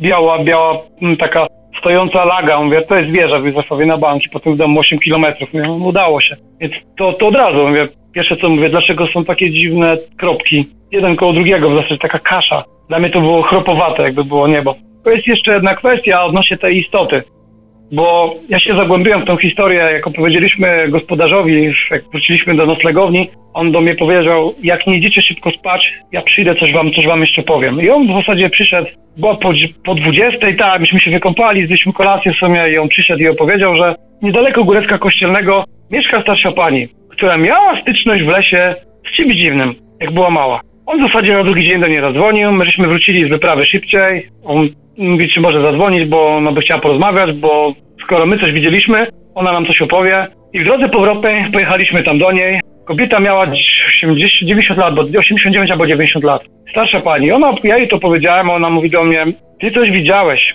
i ty coś wiesz. Mówi, ja ci teraz opowiem moją historię. Jak byłam taka mała dziewczynka, miałam 8 lat, poszłam z rodzicami biegać zbierać jagody tutaj do lasu nad szum. Tak się nazywa ten potok, który tam przypływa. Tam jest wody po kostki, czasami jest po do kola maksymalnie. Woda jest jak kryształ czysta, dno jest piaszczyste niesamowite miejsce. No i oni, oni poszli do tych lasów zbierać, ale ona z, z reguły nie zbiera, jak go tylko je zjada od razu, nie? Ale nie chciała się zdradzić, że nie zbierała, no to mówię, pójdę sobie umyję dłonie do szumu, buzię odmyję i będzie, nikt nie będzie widział, że ja zjadam te jagody zamiast je zbierać. No i weszła do tego szumu po prostu, tam wody miała, mówi, po kostki, mało, kucnęła, zaczęła obmywać ręce, twarz i nagle zobaczyła odbicie buzi w, w wodzie. Zerwała się na równe nogi i zobaczyła małą postać po drugiej stronie, kilka metrów od niej w zasadzie, małą postać, która stoi, dziwnie ubraną w takie właśnie dziwne takie, takie szaty, takie szmaty, nie to już powiedziała. I to się tak jakby uśmiechnęło, skrzywiło tak jakby usta, taki dziwny odgłos wydało, coś, coś ten deseń i uciekło. Narobiła krzyku, cała rodzina się zbiegła, nikt nie wiedział co się dzieje i pokazała palcem, że tu ktoś stał. Na piasku to pamięta, że była świadkiem, zobaczyła takie małe stopy, maleńkie stopy, mniejsze od dłoni człowieka. I to jest jedna. Mówi, że ma, jeszcze jest jej znajomy, mieszka po drugiej stronie, tam dalej, nie pamiętam jak się nazywa, Koteresz Pola. Nie, nie Koteresz Pola, z drugiej strony. On też miał, wiedział, że po ogródku mu coś chodzi. Kiedyś jak wieszał pranie, tam w stodole mieli, to mówi, że to ogródek przeszło coś takiego właśnie małego, na dwóch nogach, na drugą stronę tego ogrodu i, do, i uciekło w pole i widział, że biegło, biegło i wskoczyło do lasu. Mówi, nie wiedział co to jest, nie goni, myślę, że może zwierzę. Ale jeszcze jest jedna rzecz, bo to było dwa lata po tej całej akcji, co myśmy mieli na grupie tych takich turystycznej. Jakiś tam chłopaczek napisał, że widzieli właśnie taką dziwną postać, która uciekała przed nimi jak, jak żebrak, nie? Ja wyłapałem ten post, napisałem do niego na Messengerze, na privie, opisałem mu swoją historię, on się w zasadzie od razu odezwał, mówi tak, identycznie to, co ty opowiadasz. Szybko biegło, było niskie bardzo, miało takie jakby siwe włosy, po to widać z daleka, że to coś, ale biegło niesłychanie szybko, przebiegało przez konary, przez drzewa, przeskakiwało, uciekało w las po prostu, nie? A tam była otwarta przestrzeń, gdzie oni byli. A oni szli pieszo z dzieckiem z Tereszpola do Górecka Kościelnego właśnie. Ja mówię do niego, tylko że tu, gdzie wy żeście byli, a gdzie my, to jest mniej więcej 13-15 kilometrów linii prostej. Mamy dwa różne miejsca. Mówi, szli z żoną po prostu przez las, bo mieli lepszy spokój, żadnej drogi, żadnego ruchu, zero ludzi. No i ja jego żona go szturcha, mówi, patrz, to tam biegnie, nie? On się spogląda, mówi, no co to za żebrak? Zażartował tak to wygląda, więc coś jest na rzeczy. Albo ktoś wie, co to jest. Generalnie będąc w Puszczy Solskiej ma się wrażenie, że jest się obserwowany. Ja miałem tak zanim ta sytuacja nas spotkała. Dużo razy byłem w Puszczy Solskiej, bo ją zwiedzałem, zwłaszcza tamte miejsca, gdzie były kiedyś pacyfikowane osady, gdzie wsie były przez Niemców pacyfikowane w czasie wojny i palone. Chciałem zobaczyć te miejsca, gdzieś zapisać sobie w pamięci. Więc ja miałem nieraz wrażenie, stawałem w miejscu rowerem, że kurde, ktoś mnie obserwuje, ktoś tu jeszcze jest. Jest takie uczucie dziwne. Nic, jadę dalej. Ale moja koleżanka miała to samo, to samo wrażenie na którejś wyprawie. Mówi, kurde, jakby ktoś się patrzył na mnie. To czas się oglądam do siebie. Ja mówię, no ja wiem, też czasami mi się zdarza właśnie tutaj. Nigdzie indziej. No chyba nie bez powodu w tych podaniach ludowych e, istnieją właśnie. te przekazy o jakichś tam, prawda, stróżach lasu, jakichś e, dziadach borowych i tego typu właśnie. stworzeniach, które pilnują jakby porządku w lesie. Właśnie. I to do tego też doszedłem, że ja mówię do tej kobiety, mówię, ale to nie stanowiło jakiegoś zagrożenia. Mówi, nie, właśnie nie. Mówi, po prostu ktoś tutaj jest, ktoś z nami mieszka, tylko nie ma go, nie widać go, bo jest tak schowany, nie? Ja już dałem spokój, nie rozkminiałem tego. Potem byłem wiele, wiele razy, miałem gdzieś to w głowie, że może znowu ktoś wyskoczy gdzieś coś, ale no nie będę tego gonił, po prostu coś jest. Tylko nie potrafię sobie racjonalnie wytłumaczyć braku ludzi na czartowym polu, pomijam to niebo, pomijam ten huk, co to za mgła była wtedy w tym lesie, jak wracaliśmy, to w białej temperatura ponad 10 stopni w dół, tego nie rozumiem. To, co się przesuwało wtedy tam w Józefowie na tle tych domów, to wyglądało jak jakby taki ekran? To było jakoś tak mocno, wyraźnie oddzielone od reszty otoczenia? Tak, tak, to było bardzo białe. To była biała ściana, jakby ktoś spory gips przesuwał po prostu nad czymś. Trzymał w dłoni, a na dole powiedzmy, nie wiem, gdzieś mały domek i w połowie go tak przesuwał. Było widać, że to jest zasłonięte całe po prostu. Cała, cała góra od nadproża do góry nie było nic widać. Tam są domki, które mają dwa piętra max, nie więcej, tam nie ma blokowisk. Czy to przypominało coś takiego, jakby w, przesuwać sobie przejrzystą linijkę, czy jakiś inny taki przejrzysty element tuż przed wzrokiem? Tylko nie przejrzyste w zasadzie, bo nie było nic widać przez to, co tam jest za tym białym. Tylko generalnie tak, mieli przesuwać po prostu sobie i zabrać sobie kawałek widnokręgu, nie? Państwo śledziliście wzrok tych zwierząt w lesie wtedy. Czy tam było coś widoczne w tym miejscu, na które zwierzęta patrzyły? Nie, one się patrzyły jakby miały, nie to, że podniesione głowy, tylko patrzyły się w poziomie. Tak jakby się patrzyły w jedno miejsce, bo one wszystkie miały głowy skierowane w, w jedno miejsce i patrzyły się tylko jakby jak stojąc, jadąc w ich kierunku, wszystkie patrzyły się w prawo. Niezależnie gdzie stały, w naszą prawą stronę się patrzyły. W sensie w prawą stronę drogi. Czyli patrzyły się w ten sam punkt jakby, tak? Jak, Czy... Tak, jakby coś, jakby coś tam widziały, coś się tam zainteresowało, że tam trzeba się patrzeć, oglądać coś. Ale myśmy się patrzyli tam, to no ja mówię, nic nie ma. Gdzie się patrzą? Co one widzą? Co się z nim dzieje w ogóle? I był pierwszy, co one są sparaliżowane jakieś? Mówię, może są oswojone po prostu, ale niemożliwe. Pamiętam tą sosnę, pamiętam dokładnie to miejsce, pojechałem, właśnie to był październik, to jak ja pojechałem zmierzyć tą drogę i zaraz w zasadzie miałem to, podjechałem sobie rowerem bliżej do tego drzewa, do tej skarpy, podszedłem zobaczyć co tam, jak to wygląda, nie schodziłem na dół. Fakt faktem to może był błąd, żeby zejść na dół, zobaczyć czy te patyki dalej tam leżą. Ale mimo wszystko byłem w miejscu, gdzie to coś było. Nic, rozglądam się, nie ma nic więcej. To jest ten jeden raz tylko się wydarzyło, przynajmniej dla mnie. Pan wspominał, że było więcej świadków chyba w tym Józefowie, tam tak. gdzie się ten, ten ekran jakby przesuwał. Co oni coś mówili, dzielili się jakoś spostrzeżeniami? Nie. Coś pan słyszał, czy po prostu Nie, patrzyli? właśnie nie. Ludzie tylko ci, co siedzieli, więc jakiś huk. No to był temat, że to samolot. Wiadomo, jak prędkość nadźwiękową przekracza, no to jest huk, ale to nie wyglądało na huk samolotu, bo on trochę inaczej to wygląda. To był jak strzał z bicia, taki bardzo specyficzny. To tylko to, Co ale... by robił taki głośny samolot na takim terenie, tak? No przede wszystkim przy granicy niedaleko, na spokojny rejon. Chociaż nie wiem, czy tam są korytarze powietrzne nawet, ja nie pamiętam, bo kiedyś akurat miałem z tym wspólnego dużo i to nie pamiętam, czy tam jest korytarz powietrzny. Zresztą tam ćwiczeń wojskowych nie wiem, czy są. No, szczególnie w tamtych czasach to jeszcze mógł być spokojny rejon. W dzisiejszych czasach to już troszeczkę chyba mniej spokojnie. No mniej, jest dużo ludzi, tak, turystów. Ja tutaj Roztoczy całe wyeksplorowałem, bo to jest od Kraśnika do Lwowa. A myśmy głównie eksplorowali teren od e, Zwierzyńca w stronę Narola i tam dalej do Werchraty. I to jest tutaj, żeśmy się zamykali w tym rejonie i co wyprawę, żeśmy robili różne miejsca, gdzieś, gdzie się nie dało wejść, bo myśmy takimi rowerami z szerokimi kołami eksplorowali. Fatbajki to się nazywa. Rower po prostu taranem wiedzie wszędzie, nie? I myśmy eksplorowali takie miejsca, gdzie, których nie ma w przewodnikach. Ja tam znalazłem drzewo, które stoi jedno jedyne na środku, a dookoła niego są drzewa posadzone i to jedno drzewo jest bardzo stare, właśnie w tym środku takie wygięte do dołu, a wszystkie drzewa wokół niego wyglądają jakby stały i ku nie ukłaniałem mu się w pewnym. Zobacz, jak fajnie to wygląda. Ja wy, wygląda jak, jak posiedzenie drzew w lesie. Mój kolega, jak ja mu to powiedziałem, on jest też bardzo leśny. On mówi Entowie. Ja mówię, tak, jak z Władcy Pierścieni Entowie. Ja mówię, to zebranie mieli chyba. Też mu to opowiedziałem, on otworzył buzię, mówi, serio? Mówię, tak. Mówię, mogę ci przyprowadzić osobę, która twardo chodzi po ziemi. Nie wierzy w zabobony cuda, ale przeżyła to samo co ja. Jak ja bym tej osobie dzisiaj powiedział, ona by tego nie przeżyła i ja bym jej powiedział tą historię, to ona by popukała się w czoło, wie, czytaj fajniejsze książki, bo ty chyba już wyobrażasz sobie za dużo. Ale ona, myśmy debatowali w drodze do domu, bo ja zawoziłem z Lubelszczyzny, ja z Wrocławia, więc myśmy debatowali w samochodzie długo na ten temat, czy na pewno żeśmy wiedzieli to samo. Może myśmy coś zjedli, może spaliśmy, nie wiem, ktoś nas potruł, może coś rozpylano i halucynacje mieli wszyscy dookoła. No nie wiem, no dziwne.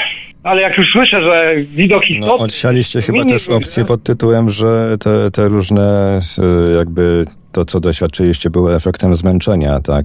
Być może, no ale my jesteśmy rowerowi, na 100 kilometrów, 200 to jest żadna, żadna, żaden dystans tak naprawdę i ja bym się zatrzymał na tym, gdyby była to może tylko ta historia, którą myśmy przeżyli, ale jeżeli ktoś mi mówi, ktoś był taki mały i szedł tam ten i też widział coś podobnego, potem ta kobieta z tym dzieckiem i z tym, z tym mężem, co szli przez las, też widzieli coś podobnego i jeszcze ten starszy pan, tam mieszka obok wioska tej starszej pani, też mówi, że tak, Mówi, coś takiego widział właśnie, no opowiadali sobie po prostu. Ja dam głowę, że są ludzie, którzy wiedzą o co chodzi, tylko to się nie mówi się o tym. No tutaj jeszcze ten liczba świadków w Józefowie, tego huku i tego, tego przesunięcia się tego ekranu, to już yy, no, wyklucza chyba możliwość, że to mogłoby być jakieś przywidzenie. Tak, też mówię, bo mamy mieliśmy jakąś, nie wiem, hipnoza może, cokolwiek, cudawianki. Tylko tego było za dużo w ciągu dnia i dystans między pierwszym czymś, że już było niebo dziwne, a tym ostatnim, no trochę kilometrów jest, jedno drugiego. Ktoś musiał za nami jeździć czymś, skanować nas, próbować nas, nie wiem, mamić, tylko tak jak pan mówi, za dużo ludzi widziało i słyszało ten huk, nie? No i te osoby, które na rynku tam stały i robiły zdjęcia temu białemu czemuś, tam budynki zak zas- zakrywało. No i ta para tych, ten chłopak z dziewczyną, którzy tam po tym kamieniołomie szli, co ja mówiłem, zobaczcie państwo, gdzie jest słońce. No, no, no, no. Popatrzyli się i poszli dalej w zasadzie, tak jakby, no spokojnie. Jakby nie zauważyli, że jest nie w tym miejscu, co trzeba w ogóle. No może się po prostu nie znali. A to słońce było widać, ja mówię do niej, zobacz, chmura jest i widać tarczę słońca. Przechodzi koło tych chmur akurat. I mówi, coś tu się nie zgadza. Ja mówię, no bo powinno być za nami. Tam jest zachód, tamtą stronę. Tu jest południe, tam jest wschód, a tu jest północ. A mam masę zdjęć akurat z tego miejsca i potem jej pokazywałem. Zobacz, to była godzina tutaj 14, tu była 16, tu była 9 rana, jak byliśmy. Zobacz, tu jest, to jest słońce. Tu jest 9, ono jest z tej strony, tak jak było wtedy. Troszkę bardziej na lewo jeszcze, bo ono dopiero wychodziło do góry. Tutaj takim tym zwracającym uwagę szczegółem są te kulki dziwne. Mi się przez moment wydawało, że to mógł być e, grad, chociaż no pogoda nie wskazywała, żeby tam jakiś grad miał spaść, no ale Pana opis sugeruje, że to były kulki zrobione z jakiegoś, nie wiem, czegoś, jakiegoś tworzywa, które... Tworzywo, mhm, bo to było suche, to nie było mokre, suche, to mi się wysypało z ręki, to nie miało zapachu, ja to tak dątałem na język, bo nawóz specyficznie będzie szczypał zaraz język, nie, ale sam zapach by już powiedział, że to jest nawóz. A to nic, mówi, co to, my nie wiem co to jest, wysypałem to z ręki, mówię, ciepło, zimno, mówię, nie, normalne takie. I mówię, dobra, to jedziemy, nie? No jedziemy, no i jedno zwierzę, drugie, trzecie, czwarte, piąte, mówię, co jest? I te kulki wszędzie leżały tam, wszędzie. Wyjechaliśmy z tej białej ściany, temperatura wróciła do normy, to się gorąco zrobiło. Mówię, co jest grane? Patrz, i tych kulek nie ma, no są za nami zostały. Tylko w tym białym pasie. A te kulki, pan może pamięta, jakie one miały faktury, jakie były w dotyku? Nie były połyskowe, były matowe, szorstkie. Były szorstkie, nie były takie, że takie śliskie były w dotyku, można powiedzieć. Nie, były takie matowe, takie, takie chropowate. To na pewno. I pan e, jakby smakowo spróbował, czym te kulki mogą być. Czy po tym nic się panu nie działo? Żadnych jakichś reakcji nie było? Nie, przez, przez chwilę tylko szczypałby język. Ja to dotknąłem, nie, nie. To właśnie w oczekiwaniu, że będzie mnie szczypał język. To przez chwilę powinien szczypać, szczypać język, a nie szczypał mi język. Mówię, to nie wiem co to jest. Nic się kompletnie właśnie po tym nie działo, bo potem sam się zastanawiałem, może to, może to coś? Nie, ale no bez przesady. Wcześniej nie było czegoś takiego. Dopiero wtedy, na sam koniec, to była ostatnia rzecz, która się wydarzyła. Wróciliśmy koło 19 do noclegowni, w zasadzie się już szaro robiło i nic więcej się po drodze nie wydarzyło. Ja już po prostu nie wiedziałem, co myśleć. Dobrze, tutaj już nie ma żadnych pytań odnośnie tej, tego zdarzenia. Ja podeślę, mamy taki tutaj taką sieć kontaktów e, z badaczami. Być może Arkadiusz Miazga się zainteresuje tym tematem, bo to jest blisko jego rewiru, że to tak ujmę. O. E, Bo on mieszka na Może ktoś Podkarpaciu. coś jeszcze wie. No właśnie, Możliwe. tak. Może, ktoś też może będzie wiedział. Może ktoś się odezwał komuś, że widział coś podobnego w Józefowie. Może był też świadkiem tego w lesie. Może wiedział, był na czartowym polu i też nikogo nie zastał. Może, może też niebo widział dziwne. Może ktoś ma zdjęcia tego nieba z tym dziwnym, z tymi kropkami. I to już wszystkie przygotowane na dziś relacje. Jestem pewien, że zaprezentowane dziś historie, szczególnie ta ostatnia z Roztocza, zostawiły Państwa z mnóstwem pytań o prawdziwą naturę naszej rzeczywistości.